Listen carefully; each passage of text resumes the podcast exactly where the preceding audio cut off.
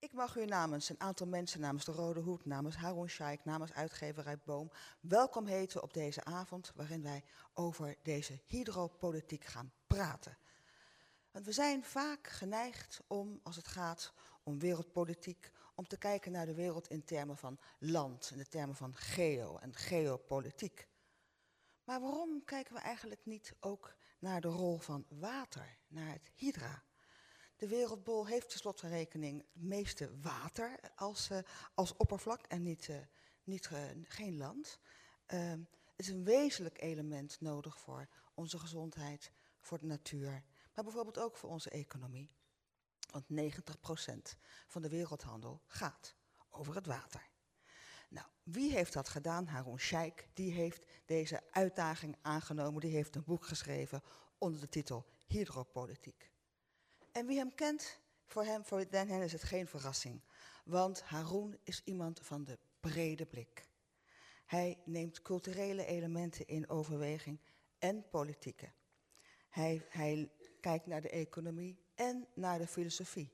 En dat levert een heel breed en rijk scala op met heel veel overwegingen die aangeven hoe interessant het is om eens naar de wereld te kijken door de ogen van water in plaats van door aarde.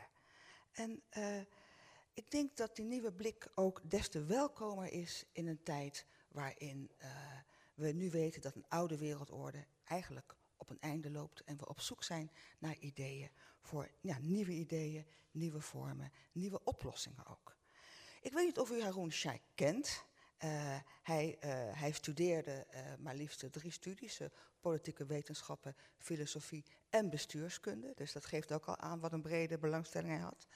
Hij werkte een aantal jaren bij Freedom Lab als een, uh, en, en bij uh, Dazim als een soort strateeg waarin hij filosofisch keek naar uh, beleggen en naar markten, wat op zich ook heel interessant was. En maar sinds een jaartje werkt hij bij de WRR, de Wetenschappelijke Raad voor het Regeringsbeleid. En daar draagt hij ook bij aan discussies van hoe moeten we naar de nieuwe wereldorde kijken, wat kunnen wij er zelf aan bijdragen, welke vragen zijn dan relevant. Vanavond gaat hij natuurlijk uh, met, met u en met ons in gesprek en met nog twee andere gasten. Uh, die uh, ook een hele interessante blik komen geven aan u en die ook vast bereid zijn om met u daarover in gesprek te gaan. Ten eerste gaat het dan om Ben Bekkering. Hij is vice-admiraal buitendienst en trad afgelopen juli terug uit de Koninklijke Marine. En zat de laatste jaren van toen hij nog bij de marine zat als hoofd van de permanente vertegenwoordiging militair in Brussel. Zat dus bovenop NAVO, zat bovenop de EU, kan ons daar veel over vertellen. En vindt dat hij, vindt dat wij wat meer maritiem moeten denken en wat het betekent gaan we vanavond horen. Uh, daarnaast hebben we ook bereid gevonden Casper Thomas. U kent hem misschien wel als journalist van De Groene Amsterdammer. Hij schrijft ook voor het Financiële Dagblad. Hij is nu gevestigd in Washington, schrijft daar vandaan. Maar hij was ook correspondent in India. Misschien kent u hem als auteur van het boek De Autoritaire Verleiding. Hij heeft een heel mooi boek geschreven over waarom allerlei landen die je misschien vroeger zou hebben verwacht dat ze de democratische weg zouden kiezen, nu toch eigenlijk ook heel veel belangstelling aan de dag blijken te leggen voor een sterke leider en wat we daarvan kunnen leren. Uh, ook hij werkte bij de WRR, maar dat was nog voordat uh, Haroon daar werkte en hij is daar daarna naar de Groene Amsterdammer gegaan. Uh, hij studeerde in Maastricht en ook geschiedenis aan University College Londen. Wij gaan ze straks gaan wijzen. Komen ze hier op het podium. Maar voordat dat gebeurt wil ik even Haroon Shaikh vragen om zijn boek wat nader aan u toe te lichten. Haroon, mag ik je verzoeken?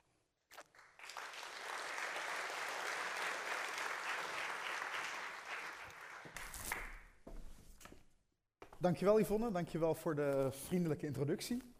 Um, ik zal om te beginnen zou ik jullie willen vragen om je het verschil voor te stellen tussen twee Spaanse steden. Tussen Madrid en Barcelona. Het, het, zijn steden met een hele lange, diepe rivaliteit. En ik doel hier niet op het voetbal, ik doel hier op, op wat, wat fundamentelers. Deze twee steden, Madrid en Barcelona, staan wat mij betreft symbool voor twee typen steden die we in heel veel samenlevingen over de wereld zien.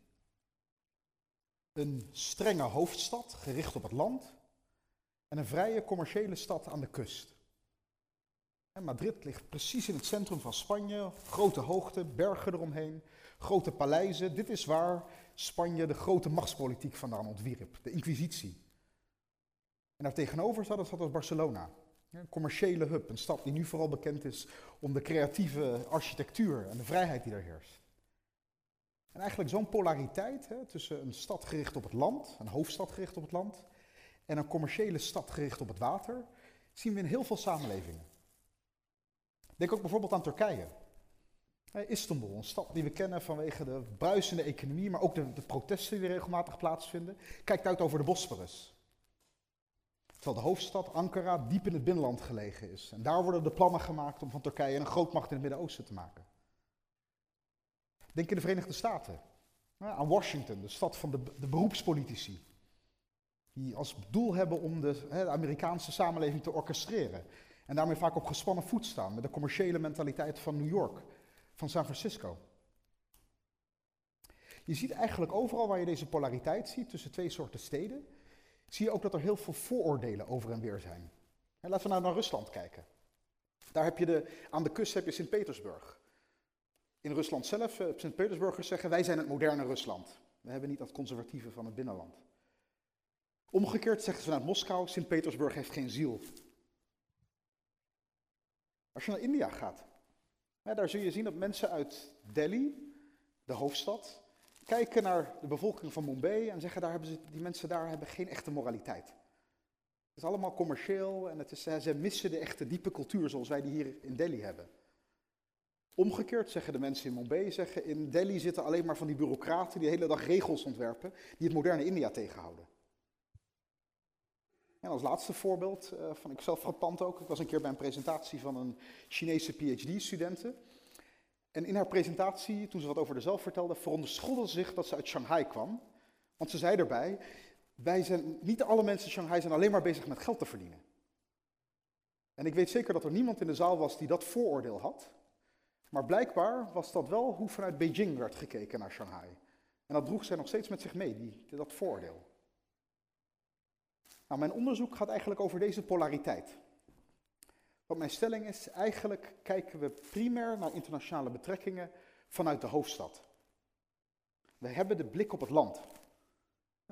Dit zijn de typische beelden hoe we kijken naar internationale betrekkingen. Dat is ook logisch, hè? want uh, de tanks zoals deze van Rusland, die over Oekraïne doorrazen, dat kunnen we duidelijk zien.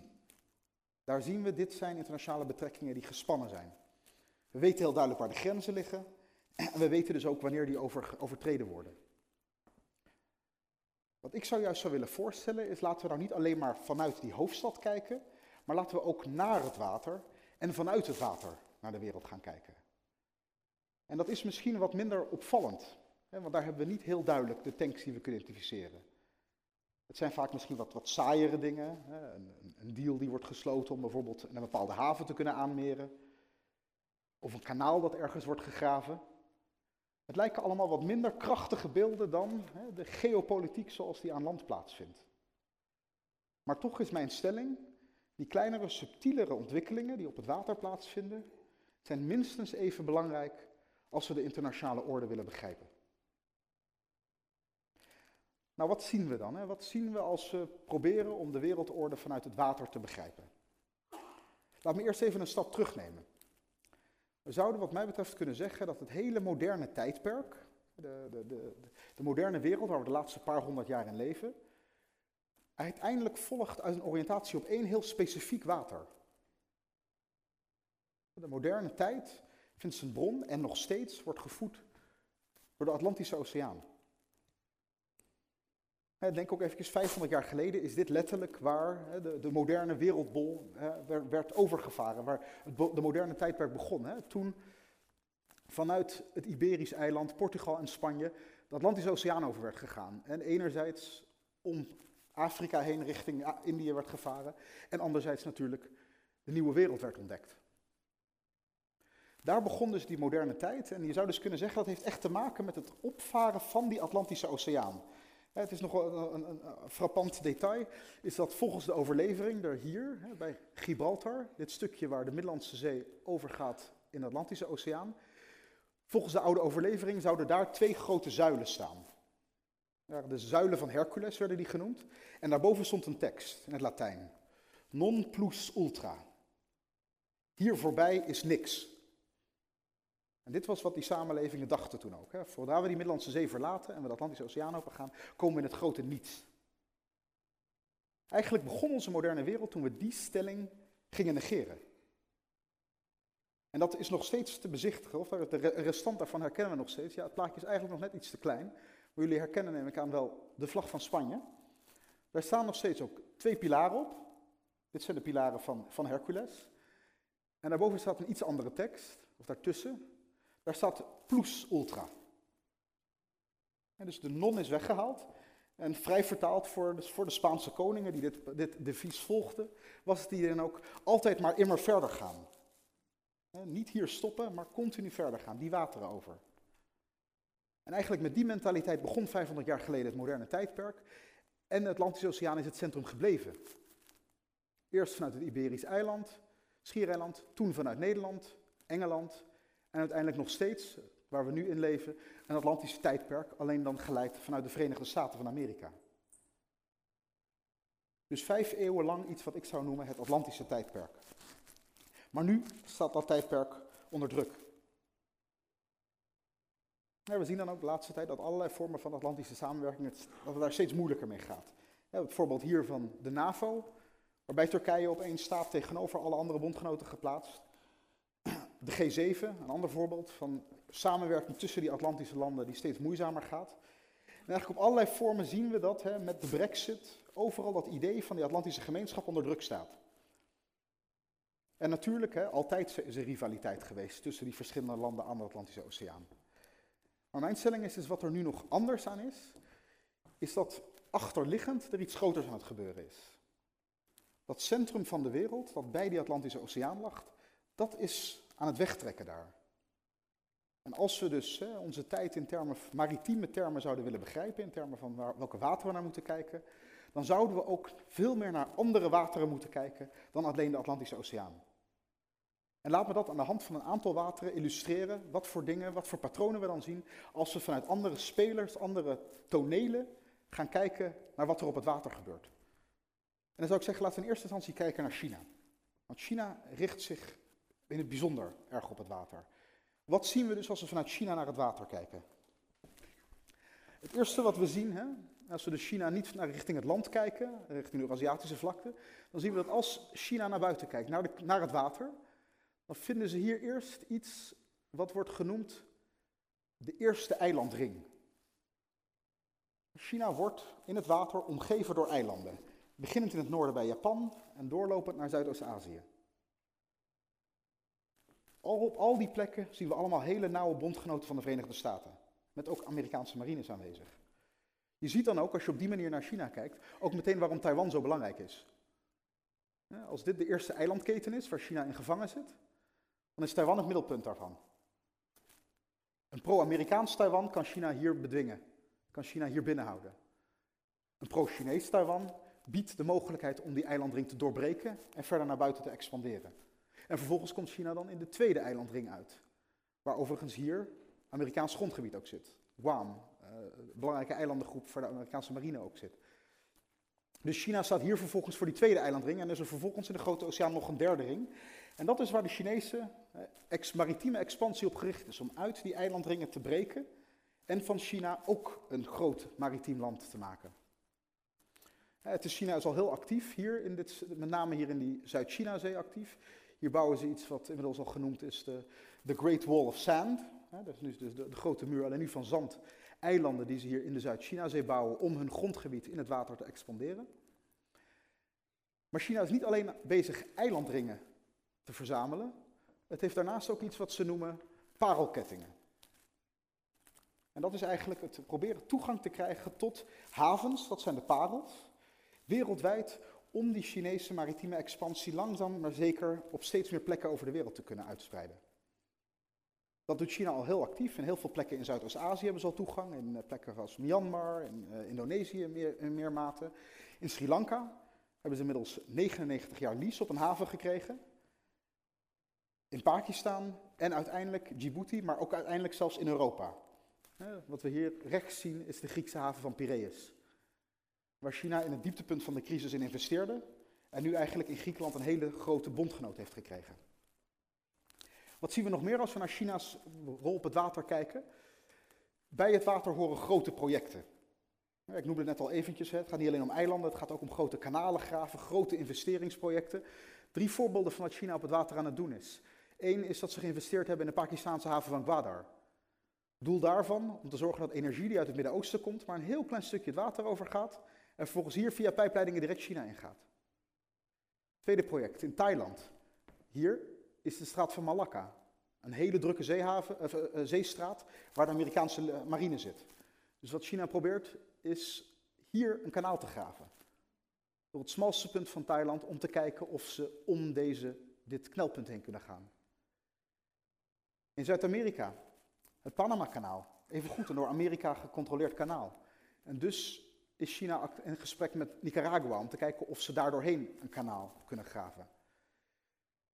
Al met al dus een hele grote ambities van China om wereldwijd ook een, maritiem netwerk te bouwen. De, de, term die China ook gebruikt voor, uh, voor, voor deze hele route is de, de maritieme zijderoute. Uh, en de zijderoute is het bredere verhaal waaronder China naar, naar, de wereld kijkt. En ik denk een van de dingen die we daar misschien nog het minst van, of wat mij betreft het meest geniale aan, aan dit hele frame dat China heeft ontwikkeld, het idee van een, een zijderoute te bouwen, um, is eigenlijk niet zozeer wat ze er letterlijk mee doen, maar wat ze, wat, ze, wat ze er niet mee zeggen. Nou, eigenlijk wat China doet door te zeggen wij idealiseren de zijderoute, is dat ze een soort toekomst voorstellen die, die teruggaat naar het verleden, van allerlei samenwerking van handel, culturele uitwisseling. Maar die ideale wereld die ze voorstellen, is tegelijkertijd een wereld waarin hun grootste rivaal, de Verenigde Staten, nog niet bestond. Dat is de wereld van de zijderoute. De oude tijd waarin Marco Polo die reizen maakte, wisten we nog niet van het bestaan van de Verenigde Staten. En dus eigenlijk met deze ambitie, met het geopolitieke plan, stelt China eigenlijk een ideale wereld voor en vegen ze hun grote tegenstander gewoon weg van de kaart. Alleen door naar het verleden te gaan. Dus hè, een, een, een maritieme toekomst waarbij China zichzelf in het centrum van alles plaatst. Wat overigens dus niet betekent hè, dat Amerika's rol daarmee uitgespeeld is, verre van dat.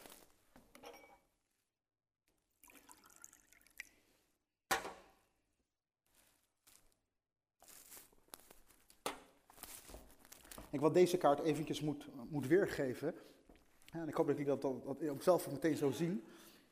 Amerika zelf is bij uitstek een maritieme wereld.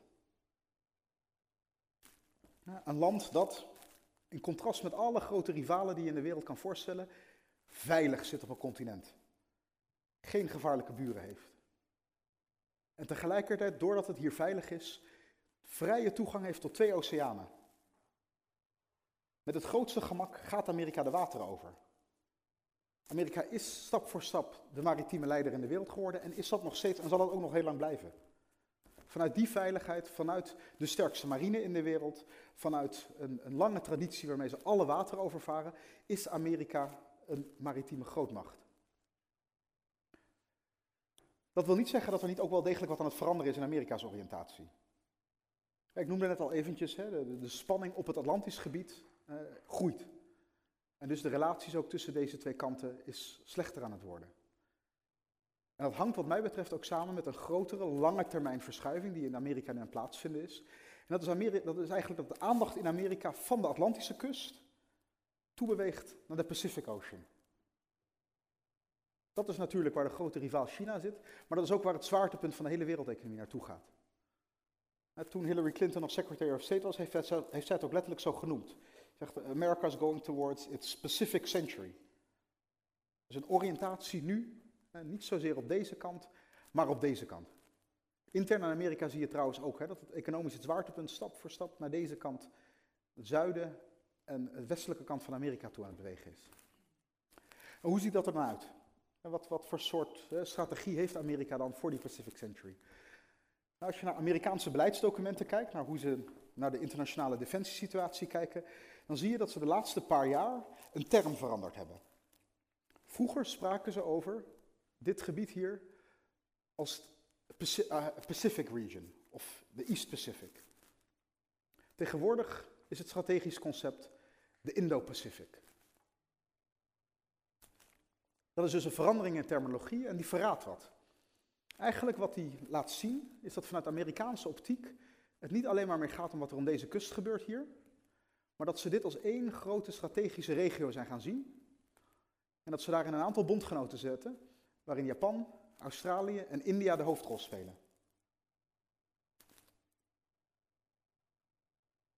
Japan en Australië natuurlijk waren al lang hè, landen die hier vanuit de Oost-China-zee in die Pacific-regio zaten.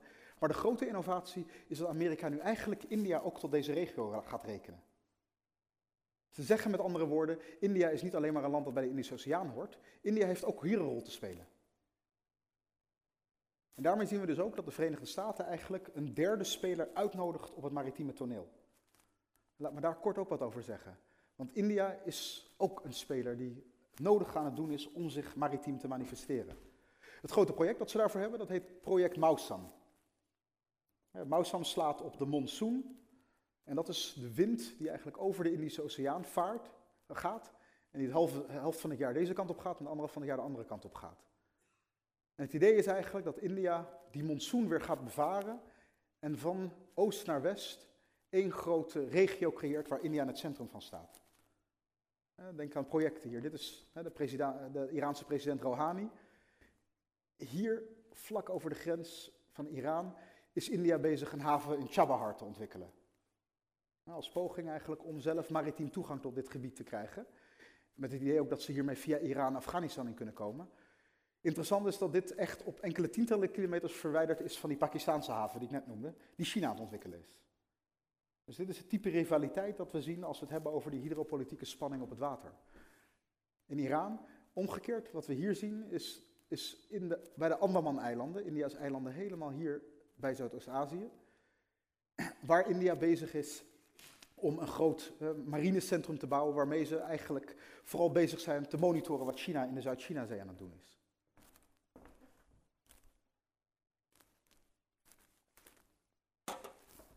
En een van de andere belangrijke dingen, en dat zijn dingen die ik ook in mijn boek voorspel eigenlijk, is dat een grote alliantie die nu in dit gebied aan het opkomen is, is die tussen India en Japan. En dit zijn wat mij betreft, wordt dit een van de belangrijkste bondgenootschappen van de 21ste eeuw. Dit zijn de twee landen die dicht tegen China aan liggen en die groot genoeg zijn om niet te accepteren dat ze de tweede zijn. En daardoor langzaam, en nog door een aantal andere factoren, waar we het misschien straks met elkaar over hebben, heel dichter tot elkaar toegetrokken worden. En daarom zien we dan ook dat ze samen een project hebben gelanceerd, de Asia-Africa Growth Corridor, waarmee ze eigenlijk over het water een alternatief voor China's zijderoute aan het ontwikkelen zijn. Van Oost-Afrika tot aan Zuidoost-Azië. Laten we tenslotte nog iets zeggen over een laatste toneel. Waar we naar moeten kijken als we het willen hebben over die niet-Atlantische, maar die andere maritieme uh, dimensies op het wereldtoneel. En dat is de Noordpool. Nou, als gevolg van klimaatverandering hè, zien we natuurlijk allemaal dat het ijs dat hier vroeger lag, sneller dan wie dan ook verwacht dat, aan het smelten is. dat heeft enorme consequenties. Hè. Dat betekent dat er ecosystemen veranderen, dat er grondstoffen vrijkomen, dat landbouw mogelijk is in die regio. Maar het betekent bovenal dat er nieuwe vaarroutes vrijkomen. En dat is historisch altijd gebleken, wanneer dat zo is, zie je ook dat de geopolitiek verandert. Of het nou ging om Kaap de Goede Hoop, of het Suezkanaal, of het Panama-kanaal. Nieuwe waterwegen betekenen nieuwe machtsverhoudingen. En dat zien we dan hier ook plaatsvinden. Als gevolg daarvan ook is ook duidelijk dat eigenlijk alle landen die een beetje in dit gebied zitten opeens een stuk belangrijker worden. Niet voor niets dat we dit van de zomer hebben gezien. Trumps bod om Groenland te kopen van Denemarken. Omdat Groenland hè, nu van strategisch groot belang aan het worden is. Dit kleine land, hè, dit gebied dat nog bij Denemarken hoort, een onafhankelijkheidsbeweging heeft, maar 50.000 mensen wonen, is een toegang tot deze nieuwe, handel, nieuwe handelsroute over het noorden. Maar er is eigenlijk één speler die bij uitstek gericht is op de, die Noordpool en die daar ook van kan profiteren. En dat is Rusland. Rusland hoopt niet alleen hier straks landbouw te kunnen gaan doen, maar Ruslands droom is eigenlijk met het smelten van de Noordpool, voor dit land zou dat dus echt heel positief kunnen zijn, is dat het land eindelijk een zeemacht kan worden. En daar droomt het al honderden jaren van. Hè. Ik noemde al eventjes in het begin Sint-Petersburg. Die stad is door Peter de Grote gebouwd omdat hij een grote havenstad wilde hebben. Peter de Grote is in Nederland geweest en heeft hier als scheepsbouwer gewerkt. Om te leren hoe de Nederlandse marine zich ontwikkelde en die Nederlandse zeemacht te kopiëren. Maar het simpele feit was, Rusland heeft eigenlijk op Vladivostok na niet één haven die het hele jaar ijsvrij is. En dat is iets wat nu aan het veranderen is. Daarom zien we dat Rusland heel flink investeert, dat het havens ontwikkelen is in Murmansk, Archangelsk, dat allemaal nucleaire onderzeeërs aan het rondvaren is, ijsbrekers aan het bouwen is. Allemaal om positie te krijgen langs die noordelijke routes hier, die uiteindelijk, hè, en die route wordt trouwens al bevaren, als een schip vanuit Shanghai vertrekt, 4500 kilometer korter erover doet om Rotterdam te bereiken dan wanneer die normaal door Suez zou gaan. Allemaal, hè, kort allemaal uh, hoop ik even een inzicht te geven in een paar van die nieuwe routes die er komen. Vanuit de Chinese wateren, de rol van Amerika, India en de Noordpool. Uh, dat heeft natuurlijk ook consequenties voor ons. Uh, mijn voorstel zou dan ook zijn dat wij onszelf ook veel meer met dat water moeten engageren. Niet alleen maar het Atlantische water, maar ook juist al die nieuwe routes die vrijkomen. Uh, maar hoe dat eruit ziet is denk ik iets wat me vooral ook leuk lijkt om straks met de andere mensen en jullie verder te gaan bespreken. Dank jullie wel.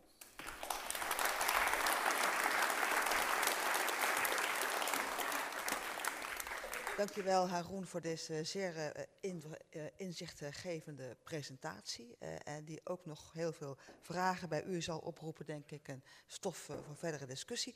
Mag ik je vragen zitting te nemen? En dan mag ik dan Ben en Casper vragen op het toneel te komen. Ook beide een stoel te nemen. En dan uh, maar eens even een eerste reactie, Ben. Ik zag je driftig meeschrijven. Nou, maar anders dan word ik weer veel te chaotisch als ik uh, niet een beetje structuur heb. Maar dan heb ik het opgeschreven en dan zit het in mijn hoofd. Goed zo. uh, eerste reactie. Ja, eerste ik, reactie um, ik, moet zeggen, het, het, lezen van, het, van het boek was een combinatie van veel herkenning. Maar daar neem ik veel te veel eer voor mezelf. Maar ik herkende echt mooie dingen.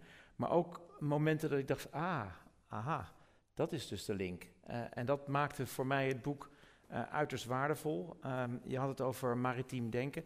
Dat is iets waar ik al uh, wel langer mee speel en meeloop. Um, en ook recentelijk. En toen, toen ik dus zei, hè, we, we, hebben meer maritiem denken nodig, kreeg ik van een, een landmachtcollega meteen een beetje achter in de zaal Oh, dan heb je weer die admiraal van de natte sector, die uh, zijn eigen club aan het promoten is. En, en, en toen heb ik later tegen hem gezegd, dan begrijp je het net niet. Want maritiem is niet marine, um, uh, navy, uh, en het is ook zeker niet nevel. we hebben in Nederlandse taal wat moeilijker onderscheid te maken. maritiem is een, een, manier van denken. En, en dat, denk ik, legt Haroon in zijn boek heel mooi neer. Ik maak, ik drie jaar in Brussel gezeten. Ik maak me best een beetje zorgen over de wereld. Ik vind dat we uh, uh, een, een, perfect storm naderen van vier weersystemen. Um, eerste weersysteem is autocratische staatssystemen. Het tweede systeem is niet-statelijke, wat extreme actoren, zoals terrorisme, zeker ook georganiseerde misdaad. derde is klimaat en technologie. En de vierde is opkomend populisme en nationalisme in onze eigen omgeving. En, en, en wat is dan, waar zitten we dan in? Het, bootje in het midden. Ik maak altijd, ik kijk vaak terug naar de Atlantic Charter uit 1941. Wat overigens een uiterst maritiem document is. En, en, waar eigenlijk ons westers model um, ligt beschreven. Uh, 1941 door, door Churchill en Roosevelt opgesteld. En, en uh, betekent dan dat dat model heilig is en dat we het bootje maar zo moeten houden en proberen de storm te trotseren? Nee, en dat doet Haroon denk ik ook mooi. We, we moeten wel ook dat bootje uh, anders gaan optuigen en inrichten. Anders optuigen, moderniseren, ja. een nieuwe wereld en, brengen. Uh, en, en, dat is mooi. Da, daar hebben we echt een rol te spelen. We lieten al een plaatje zien. Ik, als, als ik kijk naar de Europese Unie, de, de NAVO zal echt wel zicht houden op de Noordkaap en Noord-Noorwegen en de Middellandse Zee. Dat zijn toch een beetje de thuiswateren. Maar als er één water heel erg belangrijk is voor Europa, dan is het westelijk deel van de Indische Oceaan en de Golf van Aden. En we zijn daar niet aanwezig. En, en maritiem heeft ook te maken met presentie. En we zijn gewoon niet aanwezig. Gaan we verder over praten straks. Dit, dankjewel voor de eerste reactie. Caspar. Herkende jij wat van het verhaal van Haroon? Jij zit natuurlijk nu in de VS. Als je nou met een Amerikaanse blik kijkt, herken je dit verhaal? Ja, zeker wel. Ik zat zo Haroons boek te lezen en, en, en, en nu nog een keer zijn verhaal te, te, te horen. En ik kwam eigenlijk tot de conclusie dat ik, ik heb een, uh, een, een analyse, een, uh, een voorspelling en een pleidooi. Kijk aan. Um, en die analyse die heeft, die heeft betrekking op de Verenigde Staten. Um, en ik werd ook getriggerd door dat, uh, het onderscheid dat Haroon maakte tussen New York en, en Washington. De, de, de stad van de maritieme blik en de stad van de, de landblik, de landmentaliteit. En ik, ik woon in Washington, dus ik ga natuurlijk denken, ja, klopt dat? Herken ik dat? Zie ik dat, zie ik dat nou een beetje terug? En um, dat, dat denk ik wel. En een van de interessante dingen, en, en Haroon stipt dat ook aan in het boek, is dat in zekere zin de, uh, de mentaliteit van die, die, die open kuststad zich richting die landplek heeft verplaatst. In het geval van de Verenigde Staten heel letterlijk de, de New Yorkse ondernemer die zich nu gevestigd heeft in... Als president, ja. President van het ja. Witte Huis. Maar dat, dat symboliseert ook iets namelijk. En daarom ben ik nog net niet helemaal ervan overtuigd, of misschien is Haroons pleidooi ook wel gericht op de Verenigde Staten. Ik denk dat die landmentaliteit en die, die wat opener zeementaliteit eigenlijk op het moment eigenlijk heel erg met elkaar aan het strijden zijn in de Verenigde Staten. Ja. Dat idee van die, die, die Indo-Pacifische draai, um, dat is niet, dat is niet Trump, dat is niet, Trump heeft dat niet bedacht. Dat, Nee. dat, is, dat is van voor hem. Ja. En ik denk eigenlijk dat Trump staat juist meer voor die landmentaliteit van geslotenheid. Ja, ja, ja. Eh, het is ook een, een president die de grens wil verzegelen. Ja. Eh, goed, dat is, dat is een, een, een landgrens. Maar dat staat natuurlijk voor een bepaalde manier van denken. Ja. En ik denk ook als je naar de geschiedenis van de Verenigde Staten kijkt, dat die. En daarom weet ik niet of ik, of ik wel overtuigd ben van of, of Amerika het maritieme land is, laat ik het zo zeggen. Ehm, er is altijd een sterke inwaartse blik geweest. Misschien zijn we, is, is Amerika die over de zeeën naar de wereld kijkt, misschien wel de historische uitzondering geweest. Natuurlijk, Amerika begon met het vertrekken van een boot, eh, eh, maar die, de schepen werden ook wel achter zich verbrand. In principe, Ja. je ging naar de nieuwe wereld en je vergat de oude. En ik heb het idee dat juist die, die blik naar binnen eigenlijk ehm, op dit moment misschien wel het meeste kracht heeft in de Verenigde Staten. Maar in die zin zou zijn, daarom moet Haroons boek ook vertaald worden in het Engels, Ja. ehm, om Amerika eh, er wel op te wijzen dat ze Ja. over de zeeën moeten blijven denken. Ik snap, heel goed. Dat is Ja? mijn analyse. Ja, oké. de zal- uitgever. Ja. Ja, de- Ja, uitgever maakt de discussie. Ja. Ik- Eh, en dan heb ik een, een, een, een, eh, de andere punten zullen wat korter zijn. De, de, de voorspelling is dat dat idee van hydropolitiek volgens mij eh, ook steeds meer binnenlands gaat worden. We hebben allemaal de afgelopen weken misschien het nieuws die kaartjes gezien. Op 2050, eh, wat is er nog over van de landmassa als de zeespiegel stijgt zoals de Ja. voorspellingen nu zijn? Dan zijn de kaartjes van het, die zijn ineens heel anders. Dus iedereen moet ook heel erg hydropolitiek intern gaan bedrijven. Dus dat, dat vond ik een interessante. Ik ben benieuwd hoe dat, hoe dat in de toekomst gaat uitwerken. En dan het laatste, dat is de pleidooi. En het pleidooi is eigenlijk om die term hydropolitiek, eh, en dat is misschien wat soft vergeleken bij de, de, de nucleaire onderzeeër en, en, en, en, en de tank en het geostrategische denken. Maar omdat ook het idee van, eh, van omgang en zorg met het water onder hydropolitiek te scharen. Want een van de dingen die vallen op, als we echt hydropolitiek denken, dan zorgen we wel bijzonder slecht voor het water. Ja. De rivieren die in de Groens boek komen, die zijn vervuild. Ja. Eh, de Potomac in Washington, als je daar een oester uit eet, dan krijg je een kwikvergiftiging. dus dat is, Ja. we, we zorgen ontzettend slecht voor dat water. Dus. Ik hoop ook dat we dat hydropolitiek in die zin wat breder kunnen trekken en het idee van zorg voor het water. er Zorg en liefde water. zelfs misschien. Ja, dankjewel voor deze reactie. Nou, dit is een eh, prachtige eerste reactie en genoeg stof voor discussie. Ik kan me voorstellen dat u in het publiek ook vragen leven over het verhaal dat Haroon heeft gehouden. Ik ga u even vertellen, we gaan straks langs drie thema's gaan we dieper op de materie in. We gaan wat dieper praten over de relatie China-VS, zoals natuurlijk ook aangegeven in de presentatie van Haroon. We gaan wat dieper in op de vraag eh, nieuwe ontwikkelingen, nieuwe allianties, plus de uitnodigingen, die het, eh, de uitdagingen die de klimaatverandering met zich meebrengt, tot aan de zorg voor het water aan toe. En als derde wil ik eigenlijk aan de wat betekent dat voor ons en dan met name hier in Nederland. En natuurlijk bent u straks uitgenodigd om over een van deze drie thema's mee te praten. Maar misschien heeft u voor die tijd al een vraag aan Haroon of aan Ben of aan Casper, waarvan u zegt, dit wil ik toch graag nog even verhelderd zien. Dan wil ik graag even uw hand zien, want dan kom ik naar u toe. Ja. Een momentje, ik kom naar u toe met, met de microfoon, zodat iedereen u kan horen. En zegt u even wie uw naam, wat uw naam is. Richard Oud-Zeuren. Nou, het is eigenlijk een, eh, een, een, een, een- vraag vanuit eh, Nederlands perspectief, sterk. Hè? Wat is eh, in uw ogen eh, de, de hydropolitieke gevolgen van de stijging van de zeespiegel, hè, gezien de klimaatverandering, voor Nederland? Hè? Dus in de eerste plaats voor Nederland, per slotverrekening, we wonen daar. Hè? En dan natuurlijk eh, voor Europa in, eh, in wat breder perspectief. Dank u wel. Nou, Haroon, ik geloof dat we daar straks wat duidelijker, wat, daar, wat, wat dieper op in zullen gaan. Maar Ja. wil je even een korte reactie geven misschien? Ja, want eh, je zegt inderdaad, eh, straks gaan we misschien nog, nog, nog een stuk verder op in. Ehm, ik denk in ieder geval wat ik een beetje met de term ook wil doen, is eh, politiek te situeren. Eh, te laten zien eigenlijk dat eh, onderdeel van het Atlantische tijdperk is ook een beetje een soort van fictie. En nou, misschien zou ik nog over. Is een soort idee dat wij politiek vrij bewegen. Dat we, daar, dat we dat als vrije subjecten doen. Doen op een wereld die oneindig is. En een term als geopolitiek, en, maar voor mij ook hydropolitiek, laat ook zien hoe politiek altijd met die concrete geografische omgeving ver- verweven is. Nou, ik denk dus wat er door klimaatverandering gebeurt, is dat het bij uitstek dit laat zien. Dat, dat de wereld van politiek nu ten diepste, en dat heeft dus met, dus specifiek natuurlijk gewoon de dreiging van het water voor ons, maar ook, ik denk heel veel van de grote geopolitieke spanningen in de wereld hangen hier dus ook mee samen straks. Dus eilanden die mogelijk verdwijnen, kustgebieden die niet voldoende beschermd zijn, tot in Amerika aan toe, eh, riviersystemen die eh, eh, door dammen worden afgebroken in Azië. Ehm, dus eigenlijk zien we dat heel veel van de frictiepunten in de geopolitiek eigenlijk al meer en meer met dat water te maken hebben.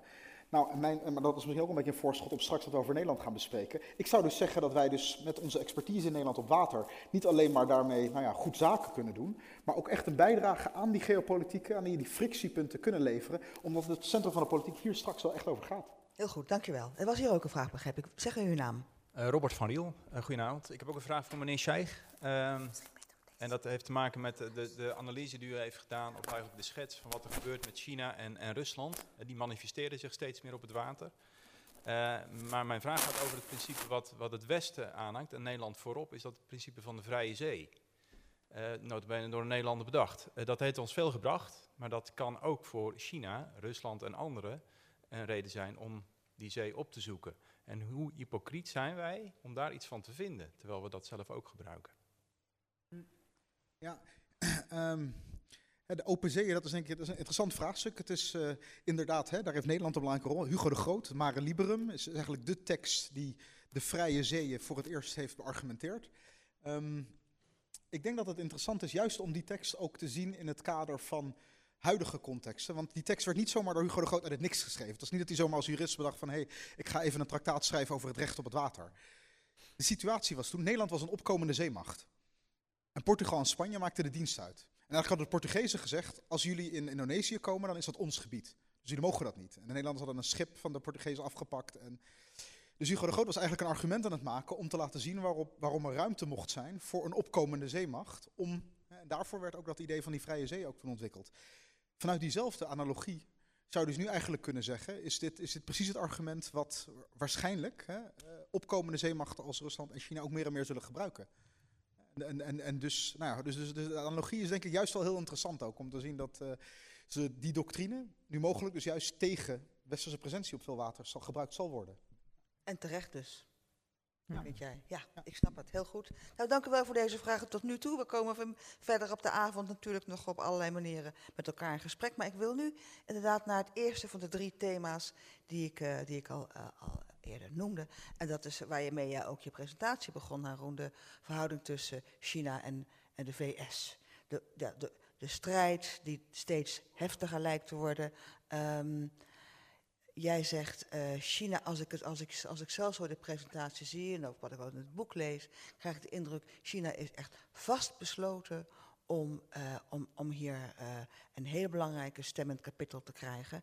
En misschien ook wel de VS voorbij te gaan op dit vlak, denk jij? Um, ik denk dat het de ambitie wel is. Ik denk wel belangrijk zeggen, ze zijn nog wel heel ver weg. Hè? Dit is dus wat ik ook even willen benadrukken. Amerika is de maritieme grootmacht op alle. Er is, is geen land in de wereld dat met de marine, met het leger, met alle zeeën ter wereld kan bevaren. Dat, uh, Amerika heeft daar nog een hele, heeft echt een centrale rol in. Um, maar, en, en, jij noemde het zelf in je introductie ook al, hè, 90% van de handel ter wereld gaat via het water. Dus als China de, is al de grootste handelsnatie in de wereld, ja. als ze op dit proces doorgaan. kunnen zij het zich niet permitteren om daarin afhankelijk te zijn van hun grote rivaal. Ja, ja. Zeker in die huidige context van spanningen is dat. Is dat eh, dus de ambitie is denk ik om stap voor stap, hè, die enorme afstand hè, die er dus is, om die afstand langzaam maar zeker eh, te gaan eh, eh, te verkleinen. Ehm, en wat mij dus opvalt en wat ik dus probeer ook in mijn boek licht op te werpen, is hoe complex en geraffineerd die strategie is. Hè? Ja. Dus tot, tot al die havens, tot aan die maritieme zijderoute. Ze hebben ook, ook die, ik heb die Noordpool, ik heb China niet eens genoemd. Maar China heeft ook wat ze een document wat ze noemden de Polar Silk Road. Ja. Ja, dus de zijderoute gaat blijkbaar ook al via Ook de. Noordpool, ja. Ehm, er zijn enorme plannen hiervoor. En dus ook dat, dat graven van die kanalen, daar wordt ook vaak wel eens van gedacht van nou, dat zal niet gebeuren. Of dat, dat willen ze al heel lang. Ehm, maar ja, toch als je kijkt naar de opkomst van zeemachten, daar hoort nou eenmaal een, een, een, het, het verdrijven van andere zeemachten uit je eigen wateren erbij.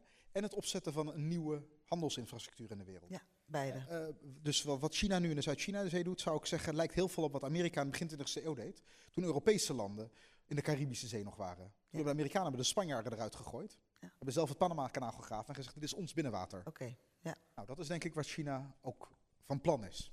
wat ons te wachten staat. En eh, Casper, zou het kunnen zijn omdat China het zo eigenlijk zo, zo geraffineerd doet of zo, eh, zo, zo onopvallend, dat het daarom in Amerika niet zo aankomt? Ja, en maar tegelijkertijd het komt het op een bepaalde manier natuurlijk wel aan. Want Trump maakt nu een enorm nummer ook van... eh, eh, als je op mij stemt, dan zullen, zal ik voorkomen dat, eh, dat de Chinezen ons de kaas van het brood eten. En ik vind dat eigenlijk misschien wel het meest manifeste voorbeeld van hoe, hoe hydropolitiek, alleen wordt dat nog niet zo genoemd, eh, al naar binnen is geslagen in een land als de Verenigde Staten. Ja. Het, het blijft voor iedereen en, en, en ook voor mij een, een mysterie waar nou precies de, de aantrekkingskracht van Trump vandaan komt. Maar een, een deel van de reden waarom een bepaalde hoek van de Republikeinse Partij zegt, ja, het is misschien een, een, een, een, een, een wat grofstoffelijk figuur en, en, en een rare vent, maar op China eh, heeft, heeft, heeft hij door wat wij als Amerika moeten doen. Ja. Ehm, dus er zit een, een, een hoek van Amerika die Trump daarin steunt, los Ja. van de rest. Ja. Tegelijkertijd, iedereen is natuurlijk al, al vier jaar bezig met proberen of nou, iets korter te achterhalen waar nou de, de steun van Trump vandaan komt. Ik kwam recent ook weer een interessant onderzoek tegen. Die zei eigenlijk de belangrijkste factor eh, voor mensen is statusverlies. En dat ging twee kanten op. Dat was een soort persoonlijk statusverlies eh, als, als, als witte werkende man in een, in een economie. Maar het tweede was statusverlies van Amerika in de wereld. En dan vooral ten opzichte van China. Ja. Dus, dus die dreiging, die is er nu al. En dat is dus ook een reden waarom er, waarom, laten we zeggen, iets gewonere kiezers die niet in een partij, niet onderdeel van het partijapparaat zijn, ook op Trump stemmen. Dus je hebt een voorbeeld waarbij de hydropolitiek eigenlijk al wordt gebruikt Ja. als een soort interne campagne in je eigen land om te zeggen, ik ben hier de... eh, Trump zou zich eigenlijk als een admiraal moeten, moeten presenteren. Eh, ik denk dat hem dat, eh, dat, dat hem dat geen windeieren zal leggen. Ja, als, als, een commander-in-chief houding. Ja, ja, zou dit, ja. Ehm, dus in die zin zijn we het hydropolitieke tijdperk in, wat het Amerika betreft al binnengekomen, alleen noemen we het nog niet zo. Dat doen we. En, en denk jij dat als de, de democratische de kandidaten, jij, jij verslaat die race helemaal zo voor de, voor de Nederlandse media, ehm, gaat dit ook in democratische partijen een rol spelen, denk je? Ja, het doet het op dit moment nog niet, omdat het niet het, nog in de beginfase van de race is het nog niet het onderscheidende onderwerp. Eh, eh, maar op een gegeven moment zal de democraten eraan moeten. Ja. En je ziet ook wel voorzichtig dat binnen die debatten zijn ze al een beetje aan het bewegen. En er komt een moment dat één iemand de vlucht naar voren neemt en zeggen... ik heb ook een agressieve eh, China-strategie, ik vind dat Ja. ook heel belangrijk. En dan moet de rest ook kleur gaan bekennen. Dus dat, dat moment gaat nog komen, maar Dit dat is, jaar dat nog, is nu ja. nog wat vroeg. Iets te vroeg snap. Ben, jij hebt natuurlijk in Brussel eh, ja, te maken met de NAVO eh, te maken gehad. eh, en daarmee ook met de houding van de Amerikanen. Hoe, hoe speelt het in NAVO-verband, die, die opkomst van China als belangrijke maritieme macht? Ja, ehm, in het laatste jaar dat ik aanwezig was, dus, dus het afgelopen jaar zeg maar, ehm, eh, toen we dat jaar ingingen, dus medio 18, eh, werd over China niet gesproken in de NAVO. Dat is nu eh, volstrekt anders. Ja. Eh, en er wordt eigenlijk, China wordt heel erg prominent besproken.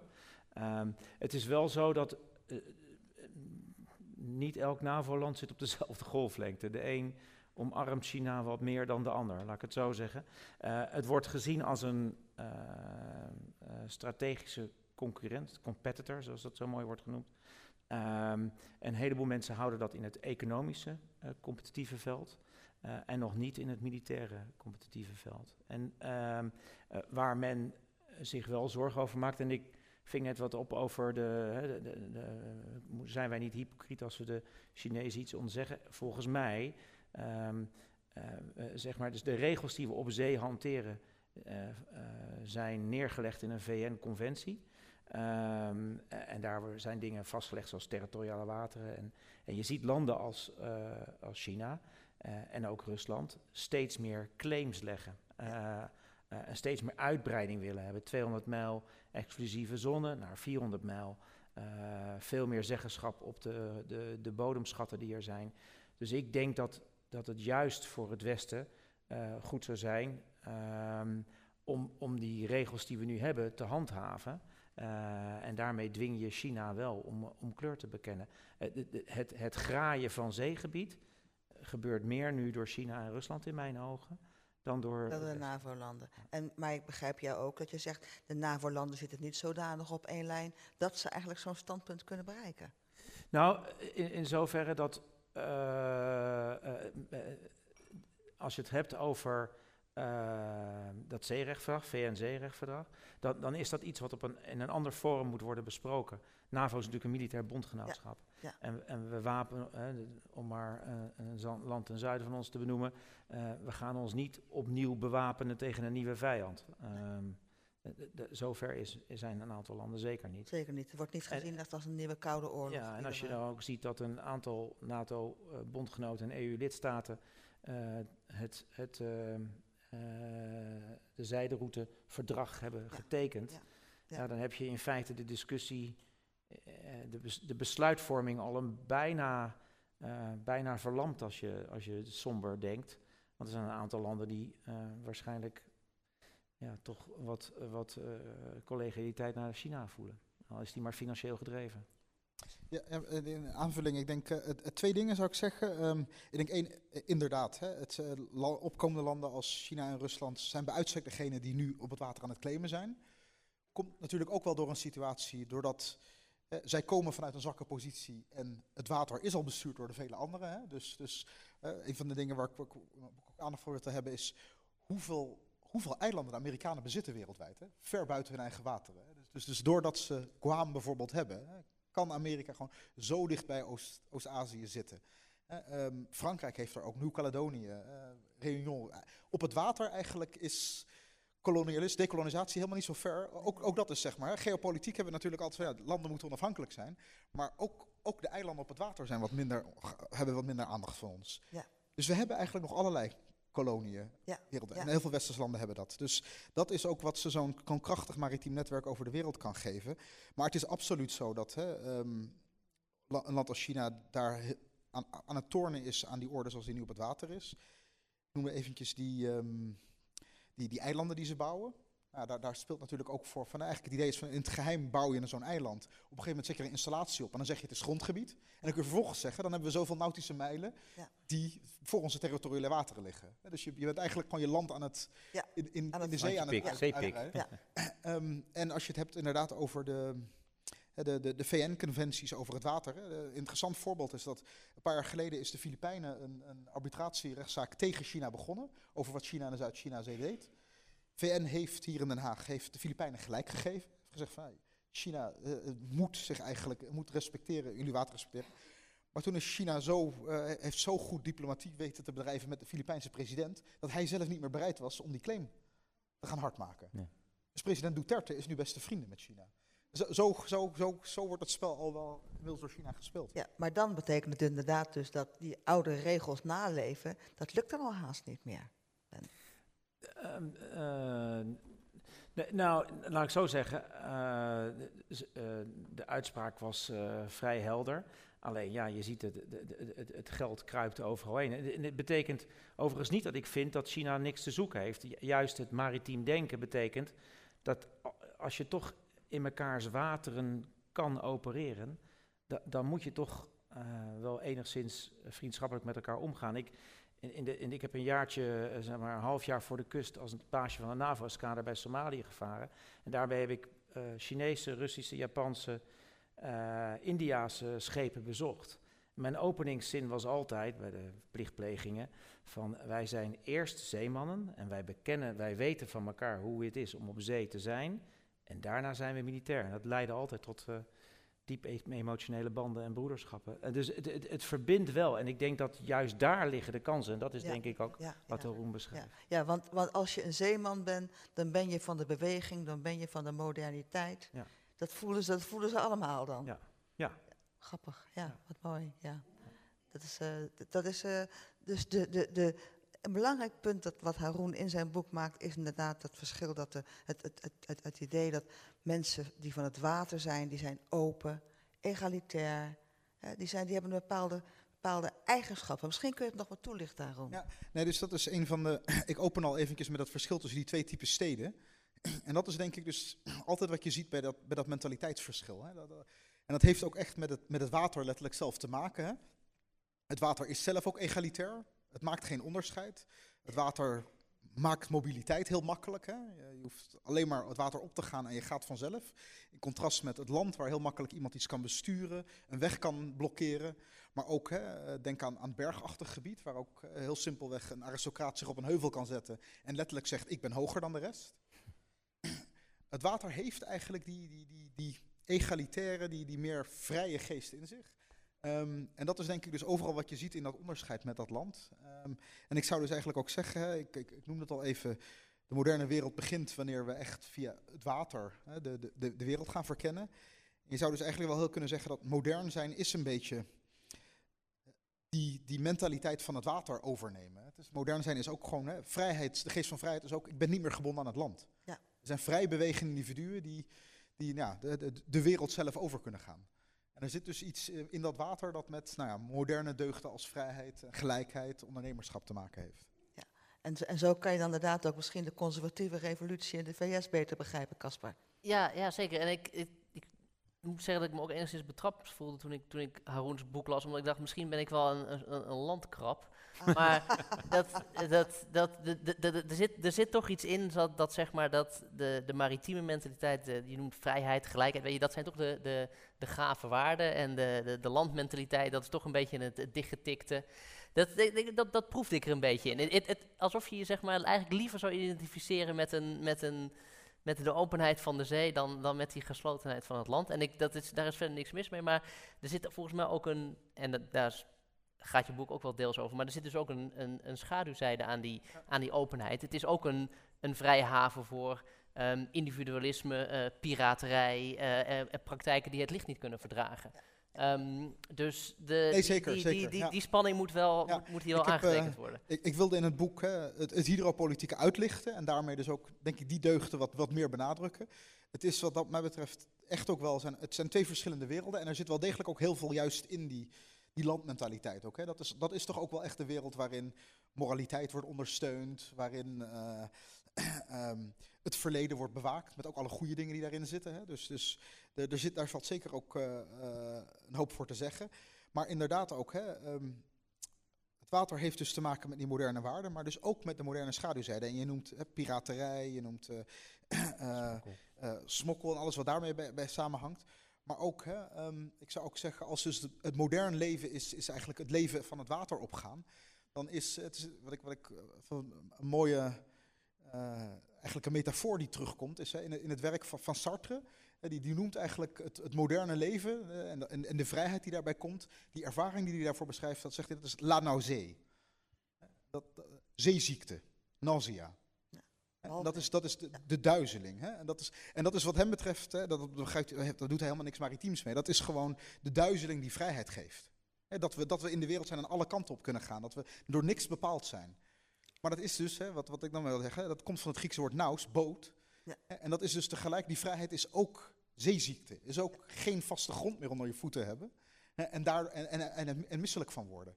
Dus we hebben als mensen ook wel degelijk land nodig. Oké. Dat je aan het eind van je nieuwe versie van je boek, tweede druk, eh, moet je een soort lijstje achterin, een vragenlijstje van tien vragen. En dan kun je bepalen of je een, een landpersoon of een eh, waar, gaat, waar gaat u op vakantie? Eh, Bergen of het Heuvelland? nou, dat, soort, dat, dat soort dingen. Kies Dat, eh, welke, ja, ja. dat- dat- Nou, dat is een hele goede tip, dat is heel mooi. Ik wil aan u vragen. Het eerste, het eerste onderdeel ging over China en Amerika. Zijn er nog mensen die daar een vraag over hebben? Dan kom ik naar u toe. Zeg even uw naam. Eh, Esra Bakker. Ehm, ik ben heel erg benieuwd ho- hoe de Amerikanen omgaan met dat eh, alternatief voor dat Panama-kanaal. Daar hoor ik heel weinig over. Is hij al klaar of is hij bijna klaar? Gaan we daar binnenkort wat van merken?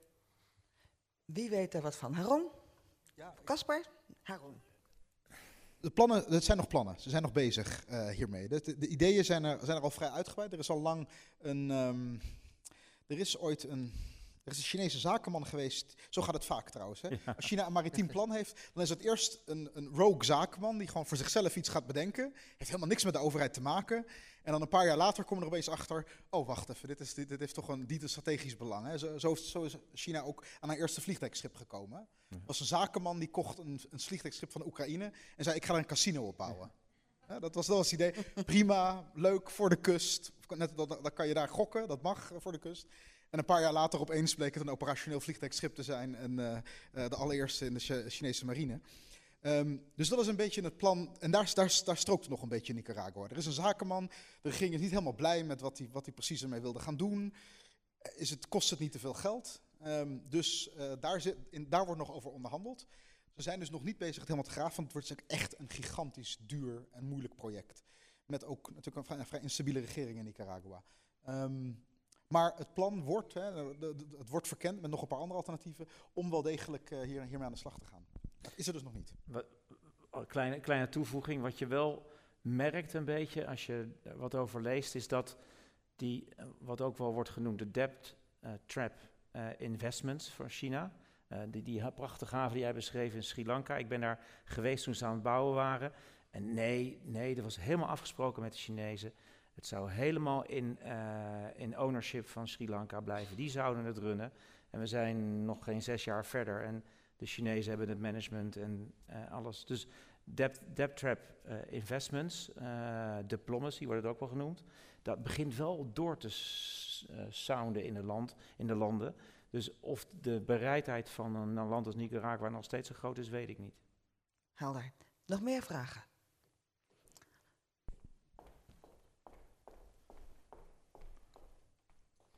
Zeg even je naam. Dank u wel. Eh, mijn naam is Shoutje Martin. Ik studeer International Relations in Leiden. En ik had twee vragen, als dat eh, mogelijk is. Ten eerste over inderdaad de law of the sea, de, de vrijheid van de zee.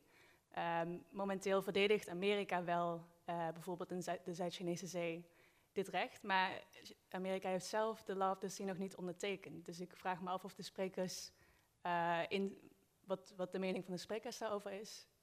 En ehm, of zij verwachten dat inderdaad uiteindelijk Amerika dit eh, document wel zal ondertekenen. Eh, ten tweede ben ik heel erg benieuwd naar de mening van de sprekers over of die strategie van China succesvol zal zijn. Inderdaad, om ehm, controle van die First Island Chain te krijgen. Want bijvoorbeeld eh, het bouwen van eilanden, daar, daar is nu nog eigenlijk bijna geen oppositie tegen. Het gebeurt gewoon en er wordt niks tegen gedaan. Dus ik ben heel erg benieuwd naar de mening daarover. Heren. Misschien, misschien jij de, Ja, vraag over de eh, vrijheid van navigatie in Amerika's ondertekening daarvan wilt beantwoorden? Eh, want welk document bedoelde je precies? Dat verstond ik niet. UN, eh, UNCLOS, de UNCLOS. Ehm, kijk, eh, ehm, eh, dat- dat, dat vind ik een beetje de, de spagaat altijd met Amerika. Ze hebben sowieso, ehm, zijn veel terughoudender dan menig ander land om zich aan internationale verdragen en internationale arbitrage over te geven. Wat, ik, wat we ervaren op zee, is dat de Amerikanen hem weliswaar niet hebben getekend, maar hem wel strikt naleven. Eh, dus ze ondertekenen niet, maar ze houden zich wel keurig aan de regels. En dat is met andere landen eh, niet altijd het geval. Eh, en dat betekent dat, ja, is dat, dan, is dat dan fijn? Kun je erop vertrouwen? Nee, maar de Amerikanen ook, het of het nou het internationaal strafhof is of andere dingen, ze lijken daar heel erg veel moeite mee te hebben. Ehm, maar ze houden zich wel heel vaak aan de mores.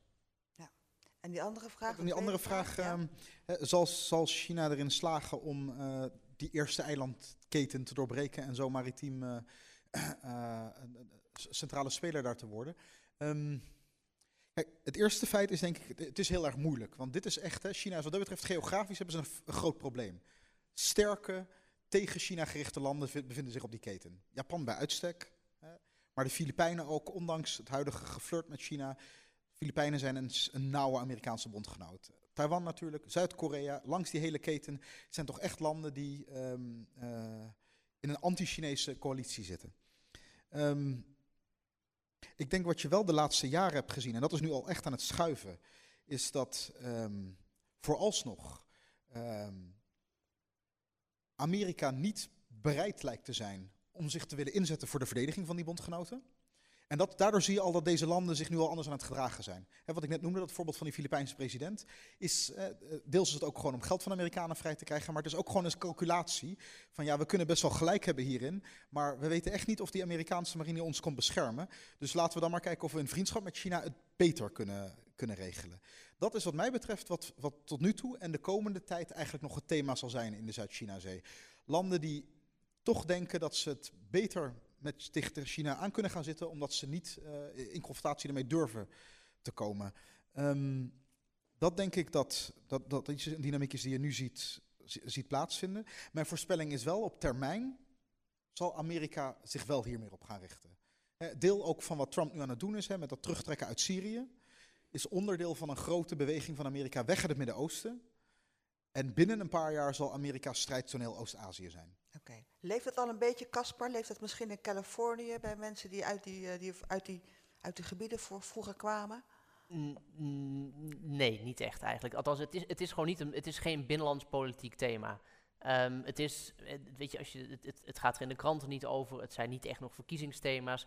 Het, het enige wat echt, echt leeft is dat idee van rivaliteit met China. Maar dat is meer een soort noodzakelijk, het, het noodzakelijk hebben van een vijand om je tegenaf te zetten. Ja. Um, en zelfs dat is iets wat, wat, wat, wat heel lastig ligt. Want um, een, een groot deel van Amerika moet nu ook wel bloeden voor de, uh, de, de, rivaliteit met China die opspeelt. Uh, als je sojaboeren in Ohio gaat interviewen, die zeggen ja, het is allemaal leuk en aardig, uh, Trump die tegen China tekeer gaat, maar ik moet mijn sojabonen kwijt. en, dat, en dat lukt nu niet. Um, dus ja, het is, een, het, is een, ik, ik, ik, het is nog een wat oppervlakkige manier van vijandschap als het ware. Daarom blijft het ook nog voorlopig volgens mij bij een handelsoorlog die ook weer vrij makkelijk terug te herstellen is. Je kunt de tarieven gewoon weer afhalen en dan schuift het gewoon weer naar normaal. Ja. Um, dus het is een beetje een soort het begin van de schermwedstrijd waar je elkaar nog even een beetje aan het aftasten bent. Ja, oké. Okay. goed. En, en, en, ja? en, er werd nog gezegd dat China leidt succesvol. Dat, dat, is maar de vraag. Ze zijn inderdaad eiland opspuiten. Trouwens, Vietnam heeft ook volgens mij de eerste eiland of eilanden opgespoten. Uh, en, en wat nog wel gebeurt, en Amerikanen vragen wel ook om Europese landen om daarin mee te gaan, denk aan Frankrijk en de UK, uh, eh, om freedom of navigation te blijven varen. Dus met, met enige regelmaat varen de schepen, vliegen de vliegtuigen binnen de door China geclaimde afstand, om aan te geven dat de, de, de eilanden niet worden herkend als een, als een nieuw stukje landje. Nee, dus er wordt wel degelijk naar gehandeld. Maar ja, ja, debt trap in diplomacy is, uh, heeft natuurlijk vele gezichten dan. Helder. We gaan er even naar de laatste vraag. Uh, er was hier nog een hand. Oh ja, zeg even uw naam. Ja. Desiree Krommelin. Uh, ik had een vraag. Ik hoor het woord Afrika weinig. En daar zitten wel erg veel grondstoffen. We hebben het allemaal over uh, de Pacific daar en zo. Maar echt Afrika en ook met name West-Afrika. Daar wordt daar, daar, raken we even niet aan. Uh, hoe zit dat met de machtsverdeling? Is China daar ook al bezig? Nou, misschien kan, kan ik de vraag anders stellen. Is Afrika een maritieme macht? Ja, Afrika is meer dan 50 landen, hè, dus dat zijn een, ja. uh, een hele diverse wereld is dat. Um, kijk, ik heb in het, ook in het boek heb ik niet heel veel aandacht voor Afrika, omdat ik er eigenlijk een beetje in probeer de, de, de de wateren te vinden waar de grote rivaliteit tussen plaatsvindt. En Afrika is inderdaad op dit moment op het wereldtoneel voor grondstoffen heel erg belangrijk. Maar als speler zelf zijn de meeste Afrikaanse landen zijn, zijn geen hoofdrolspelers hierin. Er is wel degelijk heel veel concurrentie, uh, ook om, om, Afrika op maritiem gebied. Met name dan eigenlijk in Oost-Afrika. Er is um, uh, in Soudaan bijvoorbeeld, heb je een een, set van havens waar de een, eh, daar zit Turkije in, de andere daar zit Qatar in, daar zit Saudi-Arabië in. En om de beurt proberen ze eigenlijk elkaar uit het land weg te, te krijgen. Dat ze dus er is echt achter de schermen met landen als Soudaan, maar ook Djibouti, is er enorm aan schermen om toegang te krijgen. Dat zien we in eh, Oost-Afrika bij uitstek. West-Afrika zit, zit aan die grote Atlantische Oceaan. Hè? Dus, dus je hebt er niet toegangspunten, je hebt er niet eh, ehm, eh, eh, strategische plekken die, die, die eh, toegang tot iets kunnen bieden. Ehm, tegelijkertijd hè, denk ik, en dat is ook wel iets wat ik, wat ik te benadrukken, ook voor Afrika geldt. In, in mijn boek wil ik eigenlijk laten zien dat we heel veel langere, diepere maritieme tradities in de wereld hebben. Hè. Ook, ook, die Chinezen bijvoorbeeld doen het ook al honderden jaren. Veel, veel langer dan we, dan we zouden denken. En hetzelfde geldt ook voor Afrika. Het is niet zo dat Afrika simpelweg ontdekt is. Als je, als je teruggaat naar ook voor de tijdperk van de ontdekkingsreizen, heb je, heb je boeken van bijvoorbeeld Arabische eh, eh, ontdekkingsreizigers zoals Ibn Battuta. Die beschrijft allerlei Afrikaanse samenlevingen die handelden van Mali tot aan Soudaan tot aan Egypte. En die handelden met de Arabische wereld. Dit was ook allemaal onderdeel van een heel groot handelsnetwerk. En dat geldt dus even goed voor verschillende Arabische samenlevingen. Dus er is wel degelijk ook een maritieme traditie. Ehm, alleen het is nog heel ver weg van een Afrik- Afrikaans land dat een grote maritieme speler op het toekomstige wereldtoneel wordt.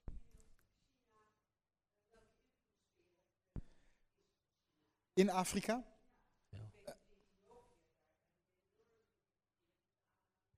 Ja, in Ethiopië staat het hoofdkwartier van de African Union. Hè. Dat, is, dat heeft China voor volgens mij een paar miljard euro betaald. Dus is erachter gekomen dat er overal microfoontjes in het gebouw verstopt waren. Ehm, dus daar hebben ze ook wel van geleerd, eh, eh, wa- wat die invloed daarvan was.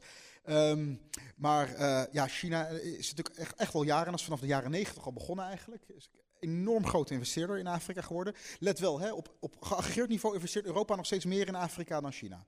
Maar als individueel land ja, is, is, is China de, de grootste investeerder daar. En China heeft een specifiek aantal landen. Meestal toch ook wel omdat ze. ehm, of omdat het landen zijn waar de rest van de wereld geen zaken mee doet. Dus ze hebben heel makkelijk toegang. Eh, Zimbabwe bijvoorbeeld, Soudaan, eh, Angola in zekere zin. Ehm, of het zijn eh, landen die een hele specifieke grondstof hebben die voor China heel belangrijk is. In veel gevallen olie. Hè, dus Equatoriaal Guinea, maar ook eh, eh, Angola bijvoorbeeld. Landen met ontzettend veel olie. En daar heeft China eigenlijk de hele infrastructuur opgebouwd, omdat ze weten dat ze het ook allemaal kunnen kopen. Goed, we gaan, eh, we, gaan, we gaan door. Dankjewel, dankjewel voor deze toelichtingen, voor deze vraag. We gaan naar het tweede gedeelte van ons, van ons drieluik. Dat gaat over nieuwe kansen en eh, de, de uitdagingen die het klimaat stelt. Eh, zoals misschien al hopelijk al duidelijk geworden is, betoogde Haroon in, in zijn boek dat hydropolitiek de, de gelegenheid is waarop, waarop verrassende relaties kunnen aangaan. Kijk, eh, ehm, varen over het water maakt dat je makkelijk relaties legt. De, eh, nodigt veel meer uit tot het, tot het, eh, tot het ontmoeten van anderen dan over land. Dus een, een- een, een, een hydro-samenleving, een hydromacht, is een macht die veel relaties aangaat.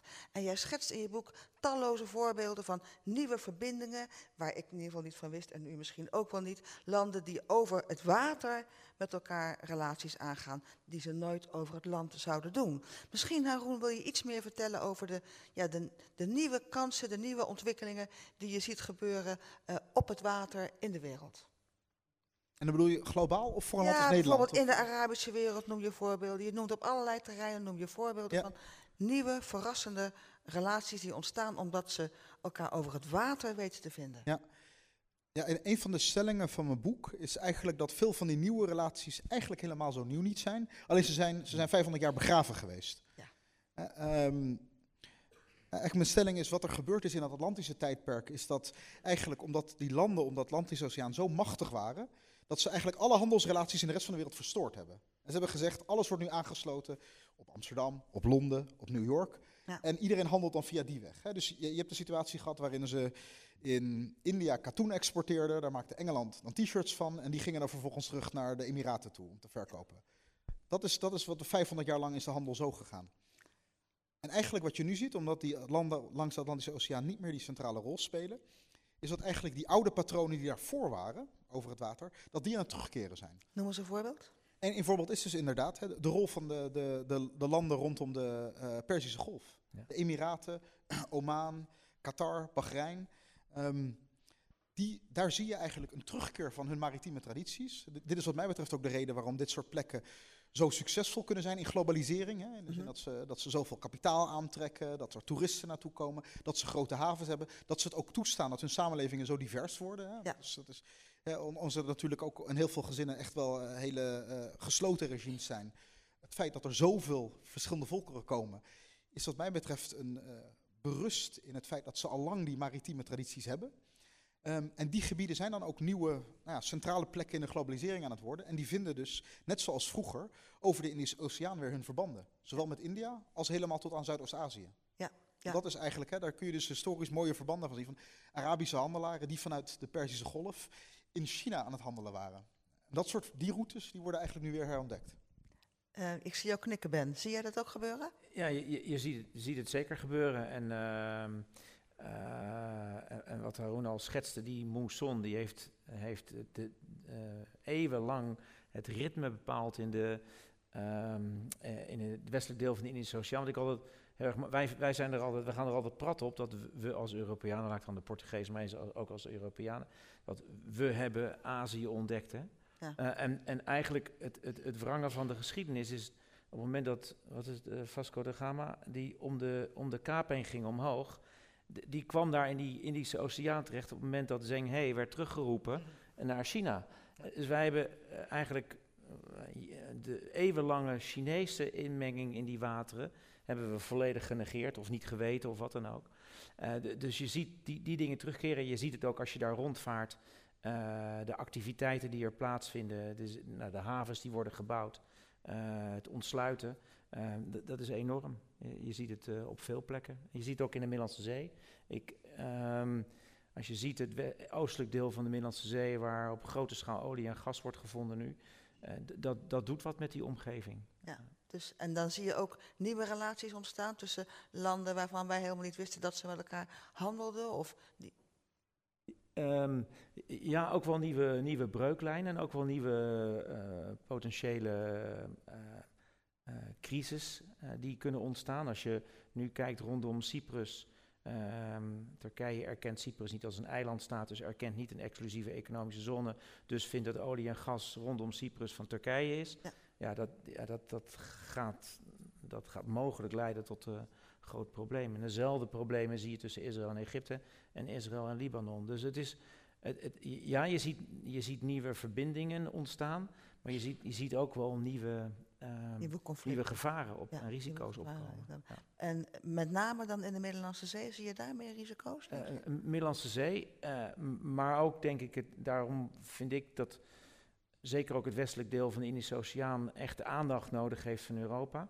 Eh, al was het alleen maar dat naast de, de mogelijkheden die de handel en industrieën bieden, eh, lopen zowel door, eh, zeg maar door West-Afrika en Oost-Afrika het landdeel van grote smokkelroutes die over de Atlantische Oceaan en Indische Oceaan naar binnen komen. En ehm, ik heb zelf eh, dan eh, tot twee keer toe op piraten mogen jagen. Die zijn er eigenlijk niet meer, omdat het verdienmodel al lang is vervangen door iets anders. Het zijn de smokkelroutes. Smokkelroute. eh, en wat, begint- wat smokkelen ze dan? Nou, dat begint in mijn optiek met, met drugs. Dus cocaïne van de ene kant en heroïne van de andere kant. Maar op het moment dat de logistieke lijnen helemaal zijn kortgesloten, Ja. dan kun je alles gaan vervoeren. En, en het, het is voor mij dus ook geen verrassing dat daardoor, toen eenmaal die ketens gesloten waren, de mensensmokkel enorm toenam. Ja, ja, ja, ja, ja. ja, ja. Dus eigenlijk hebben de, de piraten zijn nu smokkelaars. En die smokkelaars die profiteren van alle... Ja, z- Makkelijke ik sprak met iemand van de United Nations Office on Drugs and Crime en die vertelde tegen mij, heel veel, eh, echt heel erg bedankt dat jullie de piraterij hebben weggedrukt, maar jullie hebben ze wel weggedrukt in de richting van andere criminele activiteiten. Ehm, ja. Had je dat gerealiseerd, Haroon, dat het dus ook deze extra problemen met zich mee kan brengen? Ja, nou, eh, ik, ik denk zeker. En ik, dit zijn de water. Er is dus een rivaliteit om die wateren gaande. Dat levert hoe dan ook breuklijnen op. Maar er zijn zeker specifieke wateren. Waar, en ik denk, de, de twee die wat mij betreft het ook zijn inderdaad. Hè, de, de Middellandse Zee en de Indische Oceaan, zeg maar grenzend aan de Rode Zee. Waar, waar het water omgeven wordt door instabiliteit. Hè, dus inderdaad, bij de Indische Oceaan daarover heb je, je kan eigenlijk voor, als je van- vanaf de Rode Zee, vanaf Suez naar beneden gaat, dan kom je bij het oostelijk deel van Saudi-Arabië. Je komt bij de Sinaï-peninsula van Egypte, waar, waar zeg maar daar de jihadis in bezig zijn. Je komt bij landen als Soudaan, eh, Djibouti, Eritrea, Ethiopië, die allemaal ordeproblemen hebben. Daar gaat het dan net al iets beter bij sommigen. De oorlog in Jemen Jemen. en de Hoorn van Afrika met Somalië. Somalië. Het zijn allemaal gebieden waar staten zwak zijn, waar eh, sterke bewegingen zijn van terrorisme, criminaliteit. Ehm, en dat zijn dus wateren die bij uitstek heel gevaarlijk zijn. En, en bij de Middellandse Zee, eh, ik, ik heb uiteindelijk toch wel een, een optimistisch beeld over de Middellandse Zee. Maar mijn, mijn idee is wel dat de, de harde grens die we erin proberen te maken tussen Europa en enerzijds en het Midden-Oosten en Afrika aan de andere kant, dat die niet te maken valt. Midden-Oosten is, e- de Middellandse Zee is één grote gemeenschap. En hoe harder wij proberen om die grenzen dicht te hou- eh, krijgen, hoe meer je dit soort routes eigenlijk gaat krijgen. Ja, ja, ja. Dus we zullen een meer geïntegreerde aanpak hebben, waarbij we niet kunnen zeggen van nou, dan stoppen ze maar gewoon bij Libië, toch? En dan komen, dan, komen, dan komen niet meer de smokkelaars of de, eh, de, de, de boten met, met mensen erop. Dat gaat niet werken. Het gaat niet werken. Nou, we gaan daar als bij het derde onderwerp nog verder over praten. over doorpraten. Wat betekent dat precies? Want ik wil nu even naar Casper. Casper, die zei natuurlijk in jouw eerste reactie al. eh, ja, leuk al die uitdagingen, maar natuurlijk ook eh, voor het klimaat. een, een, een, blik, een, blik op hydropolitiek kan ons ook misschien helpen om. ehm, om het, het klimaatprobleem en de zorg voor water en de zorg voor onze aarde, om die wat serieuzer te nemen. Begrijp ik jou goed zo? Ja, dat, dat, dat, daar dacht ik aan toen ik dacht, ach, dacht aan hydropolitiek. Dat is, Ja. dat is ook eh, verantwoordelijkheid voor het water, eh, stewardship, wat, wat eigenlijk een, een, een nautische term is natuurlijk. Dus dat, maar dat, het, bleef voor mij ook bij die gedachte hoor. Dus ik, het is meer dat ik dacht, goh, ik hoop dat die, dat die daar ook op, op kan worden ingezet. Ehm, ik had er nog wel een voor je trouwens op het gebied van die, die, die nieuwe allianties. En dat, dat is, Roen stipt hem ook aan in zijn, eh, in zijn boek. Dat is degene die ik zelf heel interessant vind. Dat is die tussen India en, eh, en de VS eigenlijk. En dat is een tijdje geleden had je, dat was, dat was er in Texas, vond er een event plaats. En dat heette Howdy Modi. nou, dat, dat is dat, briljant, briljant bedacht. dat sowieso. Ehm, Modi, de, de, de, de, de premier van India, voor alle duidelijkheid, die ging dus naar Texas. Nou, Ehm, dat is georganiseerd en, en dat, dat zie je wel vaker. En dat, dat, doen, dat doet die Indiase diaspora, die, die organiseert dat. Dat is niet een, een politiek event, dat, is, dat, dat, dat, dat komt van, van, van, van de grassroots, om het zo maar te zeggen. En wat was nou zo bijzonder? Dat Trump daar naartoe ging. Normaal, als je een, een, een, wereldleider bent, dan moet je, naar- moet je bij Trump op bezoek en doet de deur van het Witte Huis voor je open. En dan mag je een praatje met hem maken en daarna stuurt hij weer naar huis. Ik bedoel, dat is, dat is, dat is hoe de verhoudingen liggen. Maar Trump nam dus de moeite om helemaal vanuit Washington voor een, voor een middagje op het podium staan eh, naar Texas af te reizen. En dat, dat zegt wat. Dat zegt namelijk dat de VS natuurlijk heel erg geïnteresseerd is in het bondgenootschap met India. Eh, daar zit een hydropolitieke dimensie aan, die, die, die Haroon ook schetst in zijn boek. Dat- is, het bondgenootschap met India is een extra bolwerk tegen China natuurlijk, dat, dat werkt. Tegelijkertijd vraag ik me af in hoeverre die affiniteit tussen die twee op zo'n moment ook weer wordt gedreven door het feit dat ze misschien wel vergelijkbare types zijn. Leiders met een enigszins autoritaire instelling, ook allebei opvallend inderdaad, afkomstig van de kust. Eh, Modi is, een- een Gujarati, de, dus de, eh, de, de, de Indiase westkust. En, en zit nu in Delhi. Nou ja, Trump is een New Yorker, zit nu in Washington. Dus misschien zijn dat wel twee Ja. maritieme types die de landmentaliteit, of de, de, de zeementaliteit naar het politieke hart hebben gevoerd. Creatief. Ja. Ehm, en er zat nog een derde aspect aan, namelijk dat die, die hydropolitiek die verplaatst ook mensen op een bepaalde manier over de planeet. En het feit dat Trump daar naartoe ging, was niet alleen maar om Modi een handje te schudden en gezegd: hé, hey, wij, zijn, wij zijn buddies en we gaan samen tegen de Chinezen opnemen. Maar hij deed ook voor de eh, Amerikaanse Indiërs die daar wonen, want dat is Trumps electoraat. Ja. Dat zijn mensen die identif- identificeren tegelijkertijd heel erg met India, daarom nodigen ze Modi uit. Maar er zitten ook heel veel eh, Republikeinse kiezers bij dat, bij dat contingent. Dus je ziet ook dat een, in een, in een verhydropolitieke wereld moet zo'n leider ook gewoon buiten zijn eigen directe politieke gemeenschap gaan denken. Ja. En dat vond ik een heel. Dat, dus je zag eigenlijk drie facetten daarvan zag je terug in dat event. Mooi, mooi voorbeeld. Haroon, die- dat zal je deugd doen. Ja, nee, zeker. Hè. Ik, ik denk inderdaad van, hè, er, er zijn dus, ik beschrijf in het boek vooral dus die, die, die strategische krachten die India en eh, Amerika naar elkaar toetrekken. Maar ik denk dat je belangrijke aanvullende dynamieken hierin ook beschrijft. Hè. En ik, ik denk zeker ook, hè, als je dat hebt over je laatste punt van die Indiase diaspora, die is inmiddels echt substantieel in Amerika geworden. En, en heel welvarend ook. Hè. Het is, eh, eigenlijk als je naar kijkt, eh, eh, volgens mij zowel Google als Microsoft wordt nu geleid door een Amerikaanse Indiër. Um, dus een hele, zeker ook in Silicon Valley heel erg belangrijk. En ik denk dat het ook, ook die groep ook een steeds belangrijke rol gaat spelen naarmate die, die handelsoorlog verder doorzet. Je eigenlijk ook al in, in die groep een beetje een soort van alternatieve verbinding gaat zoeken met een andere plek eigenlijk, waar als, als het straks met China moeilijker wordt, dan zul je niet alleen maar met, met India op maritiem gebied moeten samenwerken. Je zal eigenlijk ook een, een, een, economisch wonder in India willen hebben waar je naar kan outsourcen. Zoals je, dat, als je dat minder met China kan doen.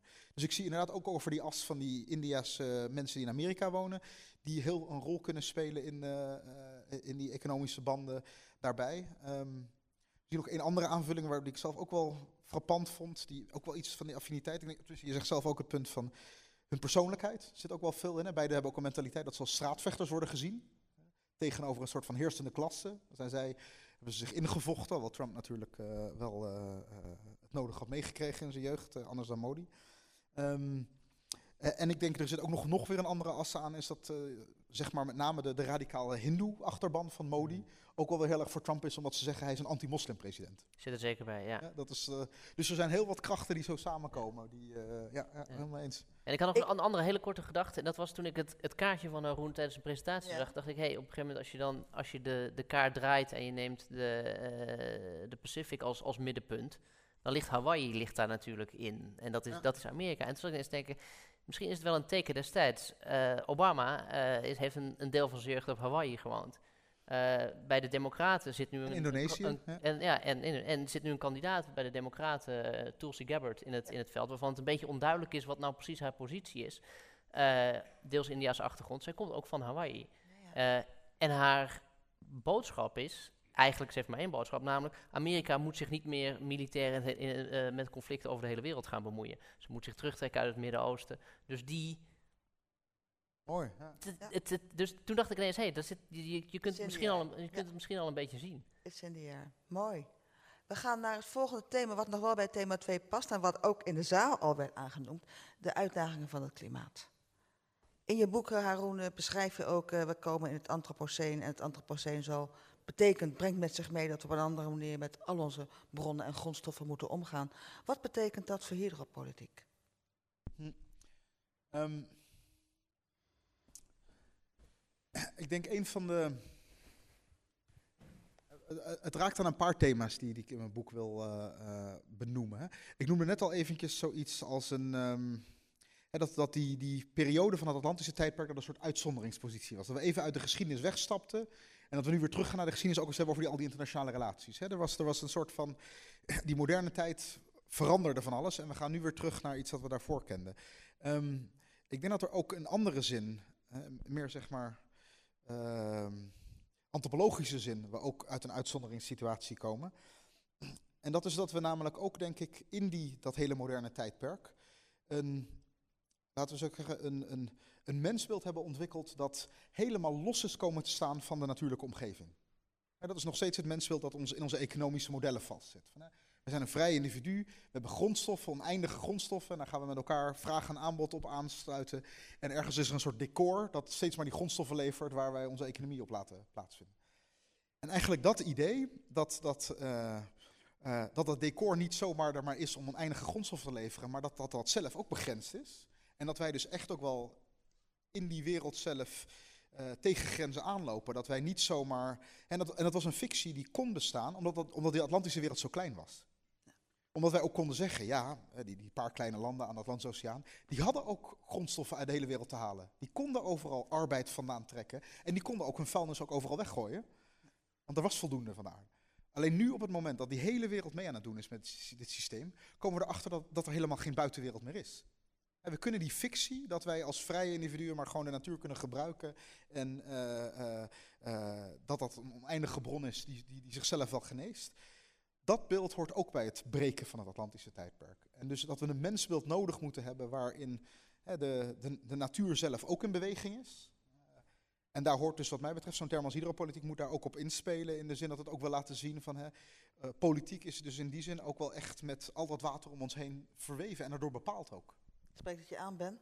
Ja, ja, ja zeker. En, en um, ik, ik, denk echt dat uh, uh, we, we zullen wel met elkaar verder moeten en, en, aandacht besteden aan die, aan, aan die klimaat. Um, ik denk dat de, de technologische vooruitgang heeft voor een groot deel ook de, die klimaatschade heeft opgeleverd. Maar ik denk ook dat de technologie een groot deel van de oplossing moet gaan bieden. op een andere manier zie ik het niet gebeuren. Ik zie niet dat we allemaal kolossaal met elkaar onze, onze levensstandaard opgeven.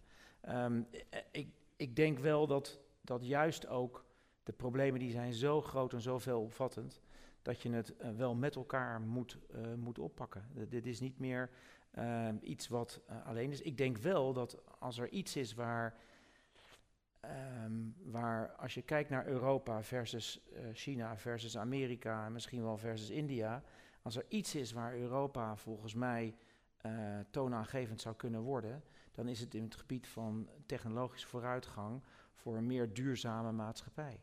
Um, want ik denk wel dat uh, als het niet over vijf jaar is, dan is het zeker over tien jaar, als China en Amerika en India noodgedwongen wel moeten.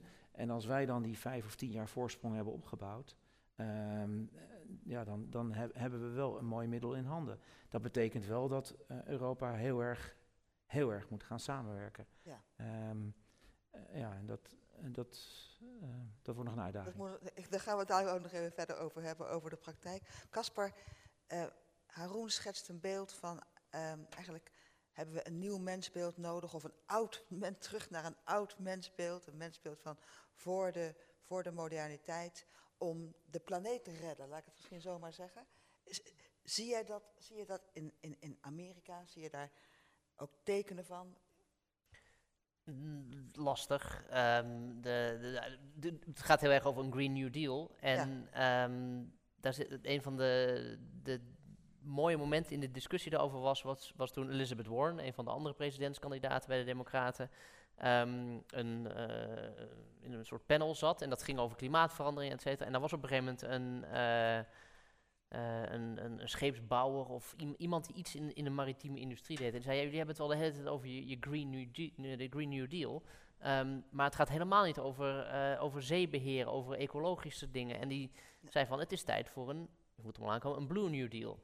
En dat is inmiddels, staat dat dus in de verkiezingsprogramma's. Bij okay. Warren is ermee begonnen. Die heeft gezegd, geweldig, goed idee, dat jat ik, schrijf het in de verkiezingsprogramma. En anderen beginnen dat nu over te nemen. Dus je ziet wel dat daar een, een, een, een verbreding van het denken heeft plaatsgevonden van land naar water. Ja, naar water, ja. ja. Daarbij, daarbij aanvullen denk ik dat het ook wel, en dan ga ik Haroons begrip van hydropolitiek weer, weer nemen en, en, en proberen groter te maken dan het misschien uh, in eerste instantie zou moeten zijn. Maar voor mij moet je ook alle vormen van water eronder scharen. Dus uh, uh, zout, brak en zoet. Um, ja. en, en, en, hydropolitiek, strijd en conflict over water. het gaat over water, maar het gaat ook volgens mij om water. Ja. om Zeker, goed water. Ja. Ik kan me in een van de eerste kleine verslaggevertjes dingetjes die ik gegaan toen ik een tijdje in India werkte, was een verhaal in Chennai over uh, waterhandel. En daar was dus ook een, een soort watermafia actief. Nou ja, dat, is een, dat was gewoon een, een, een, een gouden grondstof. Ja. Um, dus die, dat idee van waterschaarste als... En dat gaat een... Ja. Ik, Nee, zeker. Ik bedoel, daar uh, uh, vind ik in het boek misschien niet heel veel aandacht aan, maar absoluut. Hè. Er zitten hier zoveel van die dynamiek van, rondom uh, wat, er in het, wat we met ons klimaat doen, onze, onze natuurlijke omgeving, wat water ook op andere manieren betrekt. Hè. Ik bedoel, het heeft ook te maken met, met grondwaterniveaus. Hè. Ik bedoel, uh, waardoor een stad als Jakarta aan het wegzinken is. Hè. Dus Indonesië aan het plannen is om een nieuwe hoofdstad ergens anders te bouwen, omdat gewoon de stad elke keer wegzinkt. Heel veel van die plekken, het grondwater is aan het verdwijnen, de, woestijn rukt daardoor op in, in, plekken als uh, China. Um, drinkwater, hè. de uh, meren in Centraal-Azië die gewoon helemaal aan het verdwijnen zijn. En waardoor dus, omdat er gewoon te intensief landbouw wordt bedreven. Um, ruzie om rivierensystemen. De, uh, Ethiopië bouwt een dam, de Renaissance Dam. Nou, dat heeft direct consequenties voor uh, Egypte en uh, voor Soudaan, die verderop lager aan de Nijl zitten. Dus in die zin ook heel breed is de strijd om water. Is, gaat om meer dan zeeën, heeft inderdaad ook met zoetwater te maken, met, met grondwater, absoluut. We krijgen een strijd om water, we krijgen een strijd tegen het water. Het water gaat steeds belangrijker worden in de hele, met, de, met de hele verandering van het klimaat. Zijn er daarover of vragen in de zaal? Ik kom naar u toe.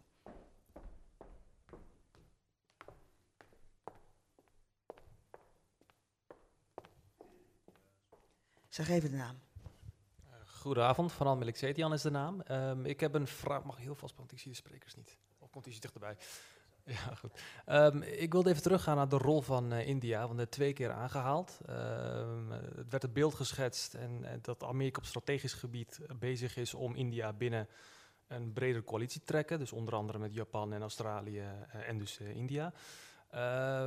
maar naar mij weten ontmoeten bijvoorbeeld Xi en Modi ontmoeten elkaar meerdere keren per jaar. En naar buiten in ieder geval is het een warme relatie, ook al is het wederzijds wantrouwen er nog. Uh, India is nu lid van uh, CSO, van Shanghai Cooperation Organization. Uh, India en China zijn ook lid van BRICS. Ze zien elkaar meerdere keer per jaar. Dus het lijkt mij dat India niet heel erg happig is om überhaupt op middellang of kort termijn iets met anti-China-coalitie te maken te willen hebben. Ook al is het alleen maar om economisch belang. Al de investeringen die ja. Okay. India is helemaal niet alleen maar een Amerikaanse. Ik, ik zie, dat, ik zie dit wel anders. Um, ik denk dat de verhoudingen en, en, de redenen, motieven achter deze samenwerkingen in India toch, toch wel anders liggen. Dus India is lid geworden van een Shanghai Cooperation Organization samen met Pakistan, hetzelfde jaar. Eigenlijk gewoon van als zij lid worden, dan worden wij het ook lid. Jullie gaan niet een, een, een anti-India's bondgenootschap hierin maken. Shanghai Cooperation Organization is nog steeds toch echt wel iets dat door China en Rusland wordt aangestuurd. En India is stap voor stap een beetje aan het meedoen, maar het is, het is zeker niet voor India de, de veiligheidsparaplu waar ze onder werken. Um, en de BRIC zou ik zeggen is echt een economisch verband. Dat is niet een, een soort van beslissingsmakingsorgaan. Het is meer van wij zijn dynamische economieën en, en, en uh, daardoor uh, moeten we een aantal dingen samen doen. Mijn inschatting zou zijn, India en China zijn echt diepe rivalen. De reden dat India de confrontatie niet zoekt met China is omdat ze het nog niet kunnen. Omdat ze zich nog te zwak voelen in deze relatie en, en, op zichzelf, daarom zullen ze. Kijk, India is wel degene. India ondertekent niet de Belt and Road Initiative. Uh, er was een, uh, afgelopen week was er een ASEAN-overleg met Zuidoost-Aziatische landen, waar zowel China als India bij aanwezig waren. De ruzie tussen deze twee landen zorgde ervoor dat er geen duidelijke communicatie achteraf naar buiten kon komen. Um, ze hebben een conflict in het, uh, op het land, hè, zeg maar in de, uh, allerlei gebieden langs hun grens waar ze met elkaar ruzie over hebben. India heeft de Dalai Lama zitten, waarmee ze de grootste doorn in het oog van de Chinese regering in, uh, in India zelf hebben. Um, ik denk dat India um, met heel veel argwaan naar China kijkt. Niet in staat is om een eentje daar tegenop te staan en daardoor diplomatiek handelt. Zeker ook wel met, met, met Xi afspreekt. Um, maar ik zie eigenlijk alleen maar spanning tussen de twee landen. Als ze economisch afspreken, dan hoor je, hoor je Modi ook de hele tijd zeggen: die handelsbalans is, niet, is niet terecht, die klopt niet goed. Um, dus uh, ik zou zeggen: het positieve gezicht naar China toe, dat is wat India mooi weerspeelt. Maar in werkelijkheid, zou ik zeggen, is India echt als rivaal is het naar China aan het kijken. En dat is het langzaam dichter naar Amerika aan het trekken. Wat echt nog niet morgen zal gebeuren hoor. Ik zie dat ze morgen uh, India en Amerika een, een, een genootschap zullen vormen. Uh, daar is India echt te voorzichtig voor. Um, maar um, onderling hè, zijn, zijn het concurrenten. Ze hebben zoveel spanningsbronnen bij elkaar zitten. Eigenlijk het enige wat ze een beetje van conflict afhoudt, is dat het hun grensgebied te onbegaanbaar is. Omdat ze die Himalaya daar hebben zitten, omdat ze de jungles hebben zitten, omdat ze de woestijnen hebben zitten. En gelukkig voor deze landen is hun hun samenlevingen zijn allebei de andere kant op gericht. Bij China aan de kust en bij India vooral in het, meer richting het zuiden. Uh, maar dit zijn wat mij betreft grote rivalen. Goed zo. We gaan naar het derde, derde thema toe. En dat is het thema, uh, wat kunnen wij als Nederland in Nederland, in Europa doen? Wat is onze opdracht? Haroon. Wij zijn, een, wij zijn een, een waternatie bij uitstek. Wij kennen allemaal, denk ik, nog wel uh, Piet Hein, Karel Doorman, Michiel de Ruiter. Ooit waren wij trots als zeevarende natie. nog steeds gaan onze baggeraars de hele wereld over. En worden wij als een land gezien dat bij uitstek sterk is. Op het water, in het water, met het water. Doen we het goed, goed, goed genoeg? Moeten we meer doen?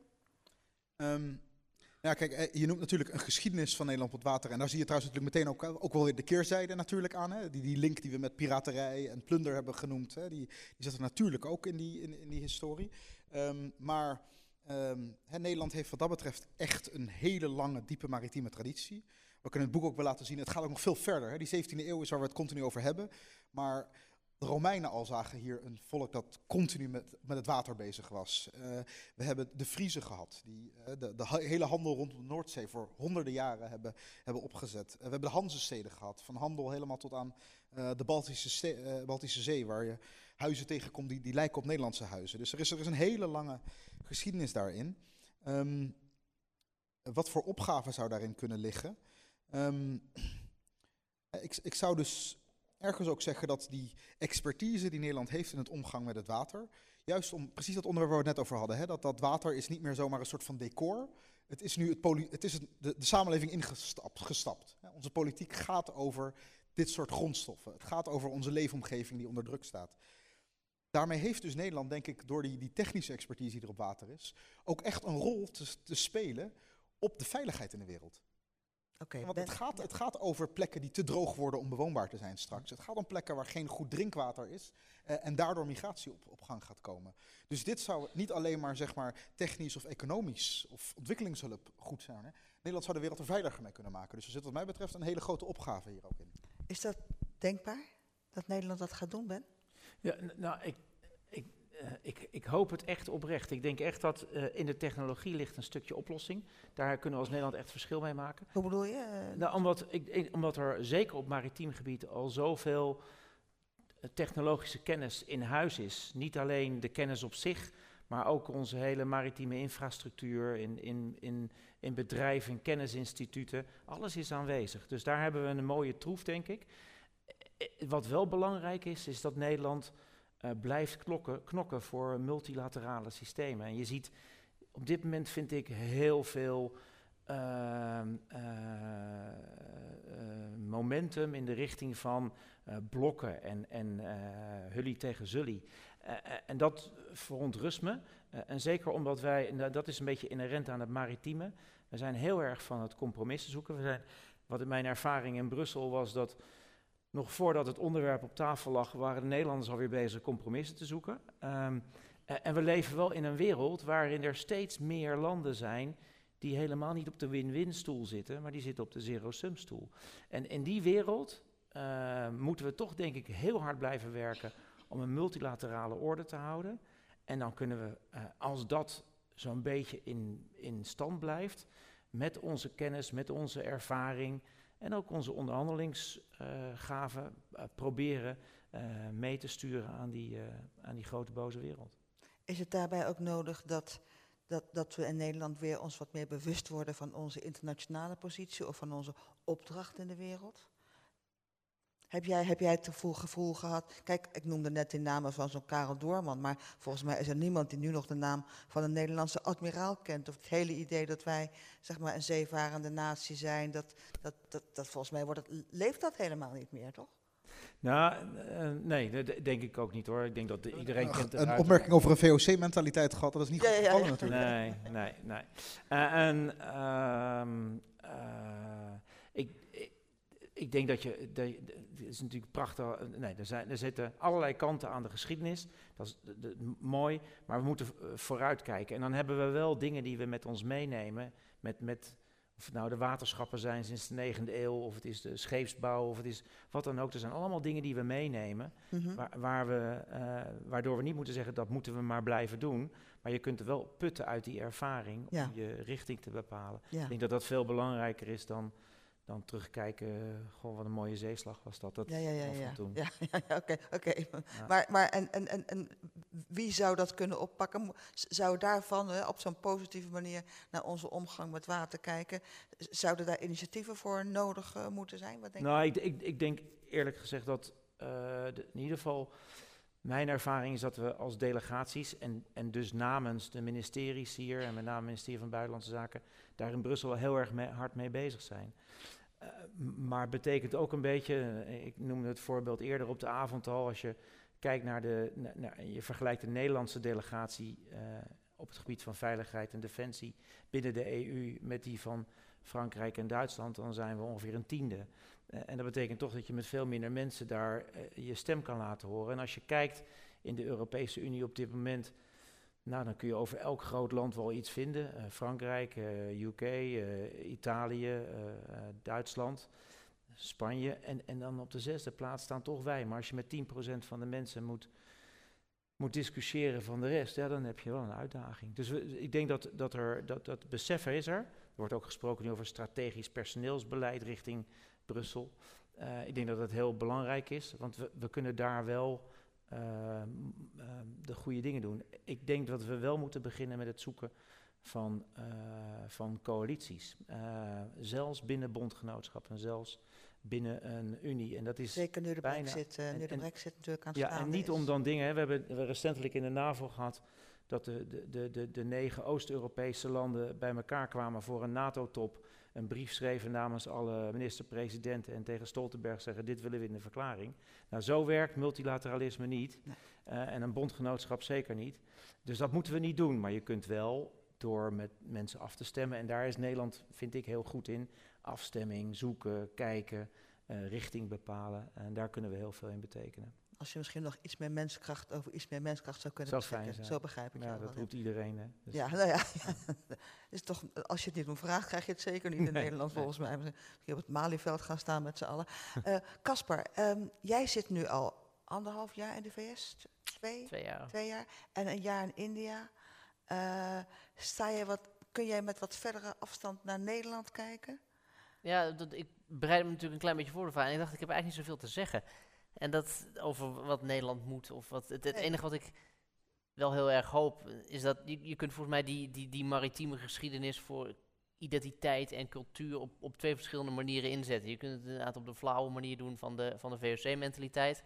Of zoals de, de Britten het een beetje deden in, in de opmaat naar Brexit. Van dit wordt de Empire 2.0 en waar gaan de zeeën weer over. En eh, dan sluiten we een handelsdeal in India en eentje in de Verenigde Staten. En dan komt alles weer goed. Nou, dat, dat is de, de, de, de, voor mij de verkeerde manier om je hydropolitieke identiteit, als dat iets is, eh, in te zetten. Ehm, wat je wel kunt doen, en dat is, daar hoop ik altijd op, en dat is een beetje belerend misschien, maar eh, als, als we de koopman over zee zijn, dan zijn kunnen we ook best een beetje de, de, de dominee over zee zijn. En ik hoop toch wel dat de, de, de vrije handelsmentaliteit niet het enige is dat, dat overheerst. En ik vind ons af en toe wel wat gemakkelijk. Eh, op het moment dat, dat weet ik, voor Bolsonaro in Brazilië wordt verkozen, dan staat Rutte lachen met, met hem op de foto. Eh, we gaan eh, op staatsbezoek in India. We mogen twee keer bij Trump aanschuiven, omdat we de eerste keer toch uiteindelijk gewoon wel heel vriendelijk waren. Snap je? Dat, het, is, het is niet erg om ook democratische waarden, liberale waarden te blijven verdedigen in die, in die handelsrelatie. En als je met Nederlandse politici of diplomaten spreekt, dan zeggen ze altijd, ja, dat is een apart circuit en dat doen we daar. En daar praten we over de handel. Ja. Maar ik, dat ene circuit, dat zie ik heel veel. En daar zie ik ook allemaal resultaten van. En dan zie ik ook, dat andere circuit, dat is wel, dat is wel zo subtiel dat ik het nooit zie. Dus volgens mij moet je, volgens mij kan dat, kan dat Kan het nog wat sterker? Ja. Ben, Ja, als een oproep? Nee, ik, eh, eh, eh, zeker. Ik, ik denk dat dat zeker moet. En, eh, we hebben, ehm, eh, een van de laatste dingen was eh, in de NATO geschreven aan een militaire strategie. Daar kan ik niet te veel over zeggen. Maar de, de kernbegrippen die daarin waren, waren values, institutions, populations en territory. Dus onze bevolking, onze landsgrenzen, daar maak ik me op zich niet zo heel veel zorgen om. Het zijn die values en institutions die voor, voor de waarden en instituten, instituties, die volgens mij voor Nederland heel belangrijk zijn. Maar die kun je niet los van elkaar zien. Dat is een beetje jouw betoog ook. En dat moet je blijven benadrukken. Moet je dat met het mes op de keel doen? Daar, daar hebben we dan de diplomaten voor. Maar je moet, het wel, je moet wel de kansen grijpen. Je kan het begrijpen. Ik ga naar de zaal. Ehm, zijn, daar zie ik inderdaad weer een aantal handen.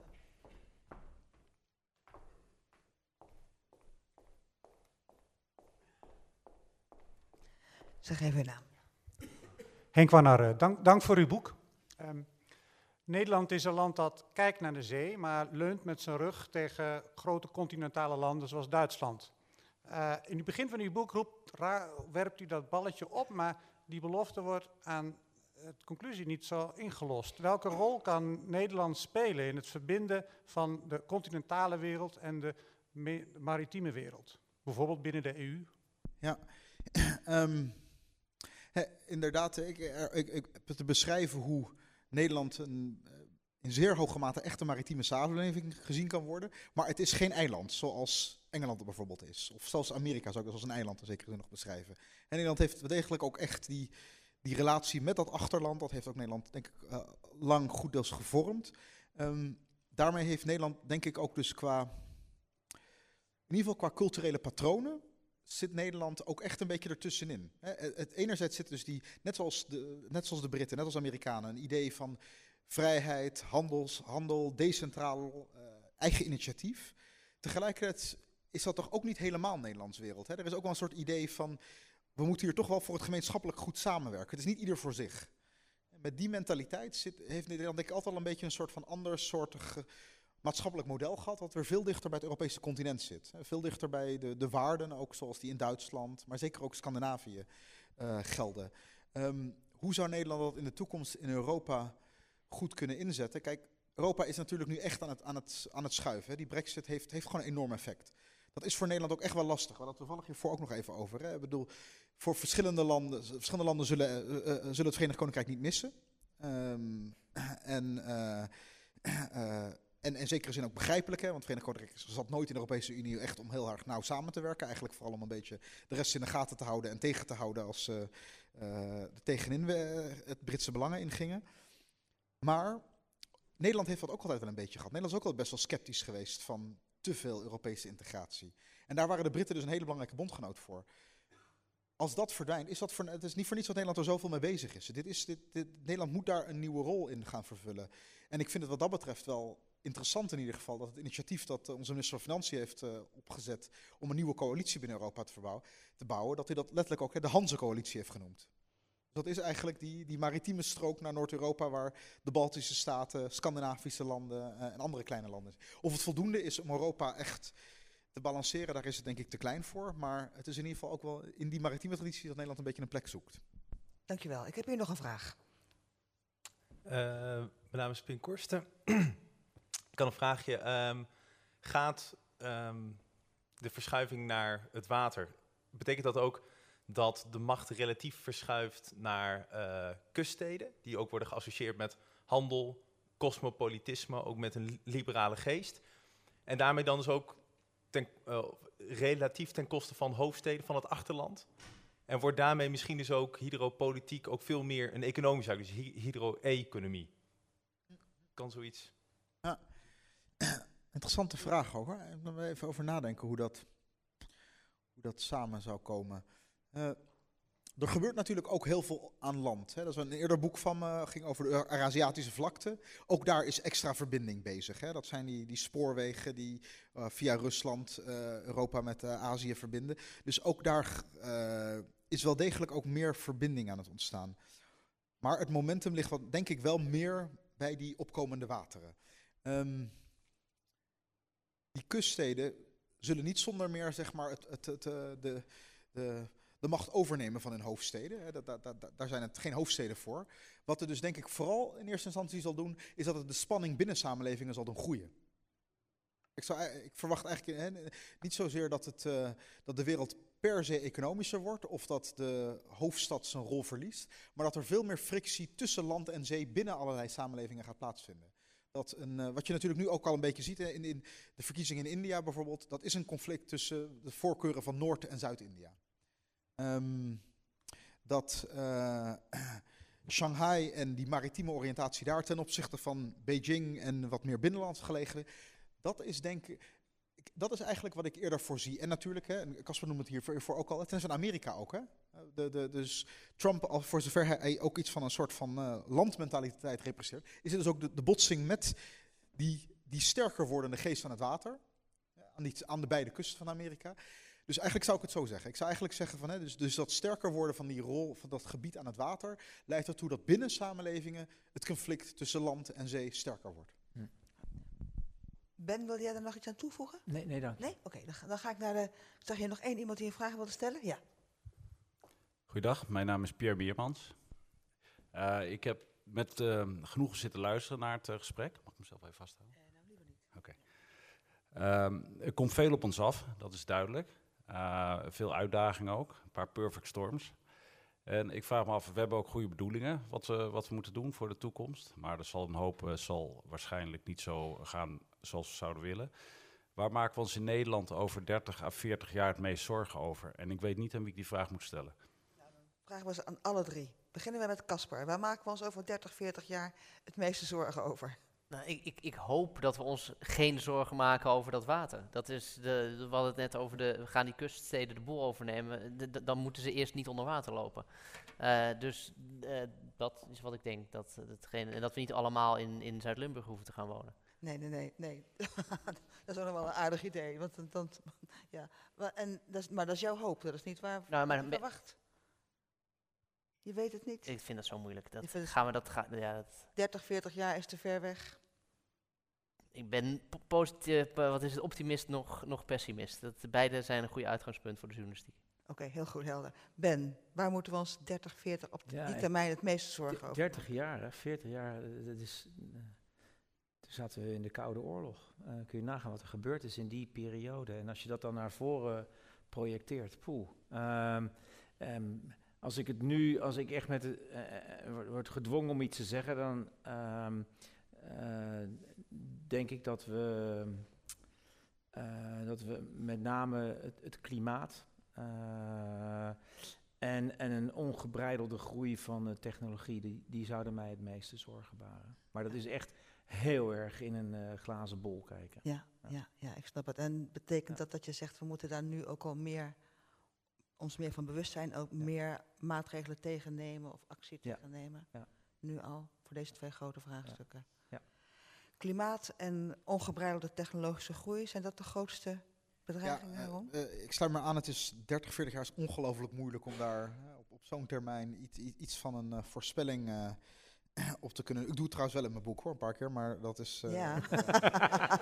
Maar daar moet je het voor gaan lezen, dan kunt u het- Sorry. Eh, maar dat is natuurlijk gewoon, hè, het is, het is waar, waar we het 30 over 30, 40 jaar over gaan hebben, dat is dat ik net zoals inderdaad als je terugkijkt, ja, dat, dat is zo'n andere wereld. Hè.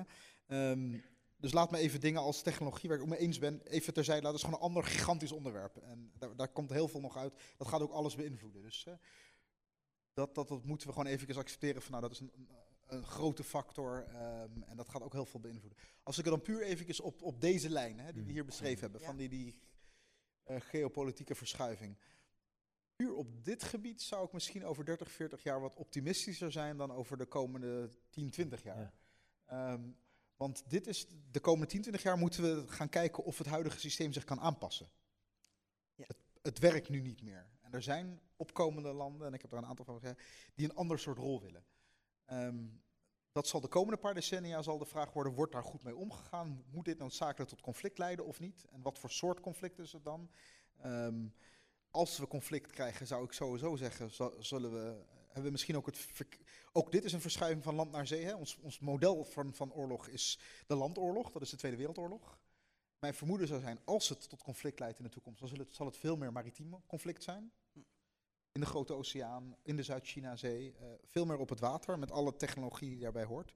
Ehm, maar met 30, 40 jaar hoop ik dan toch wel dat we dan weer iets van een nieuw equilibrium hebben. Oké, Dus, eh. Daar in die zin weer wat minder zorgen dan over de komende 20 jaar. Oké, dan hebben we eigenlijk de komende tijd vooral eh, eh, allemaal reden tot zorg. Ook reden tot hoop natuurlijk, want dat is het boek dat Haroon ook geschreven heeft. Ehm, nou, ik hoop dat u allemaal heeft genoten van de, van de inbreng, van de kennis, de wijsheid en de interessante inzichten die jullie ons allemaal gegeven hebben vanavond. Ik wil u in ieder geval heel hartelijk danken voor uw bijdrage, voor uw belangstelling. Ehm, zo dadelijk is er in de hal, het boek is nog verkrijgbaar, dus mocht u het nu nog willen lezen, en ik kan het u zeer aanraden, dan kunt u het daar straks krijgen. En eh, voor nu wil ik zeggen, een goede avond en tot de volgende keer. Dank u wel.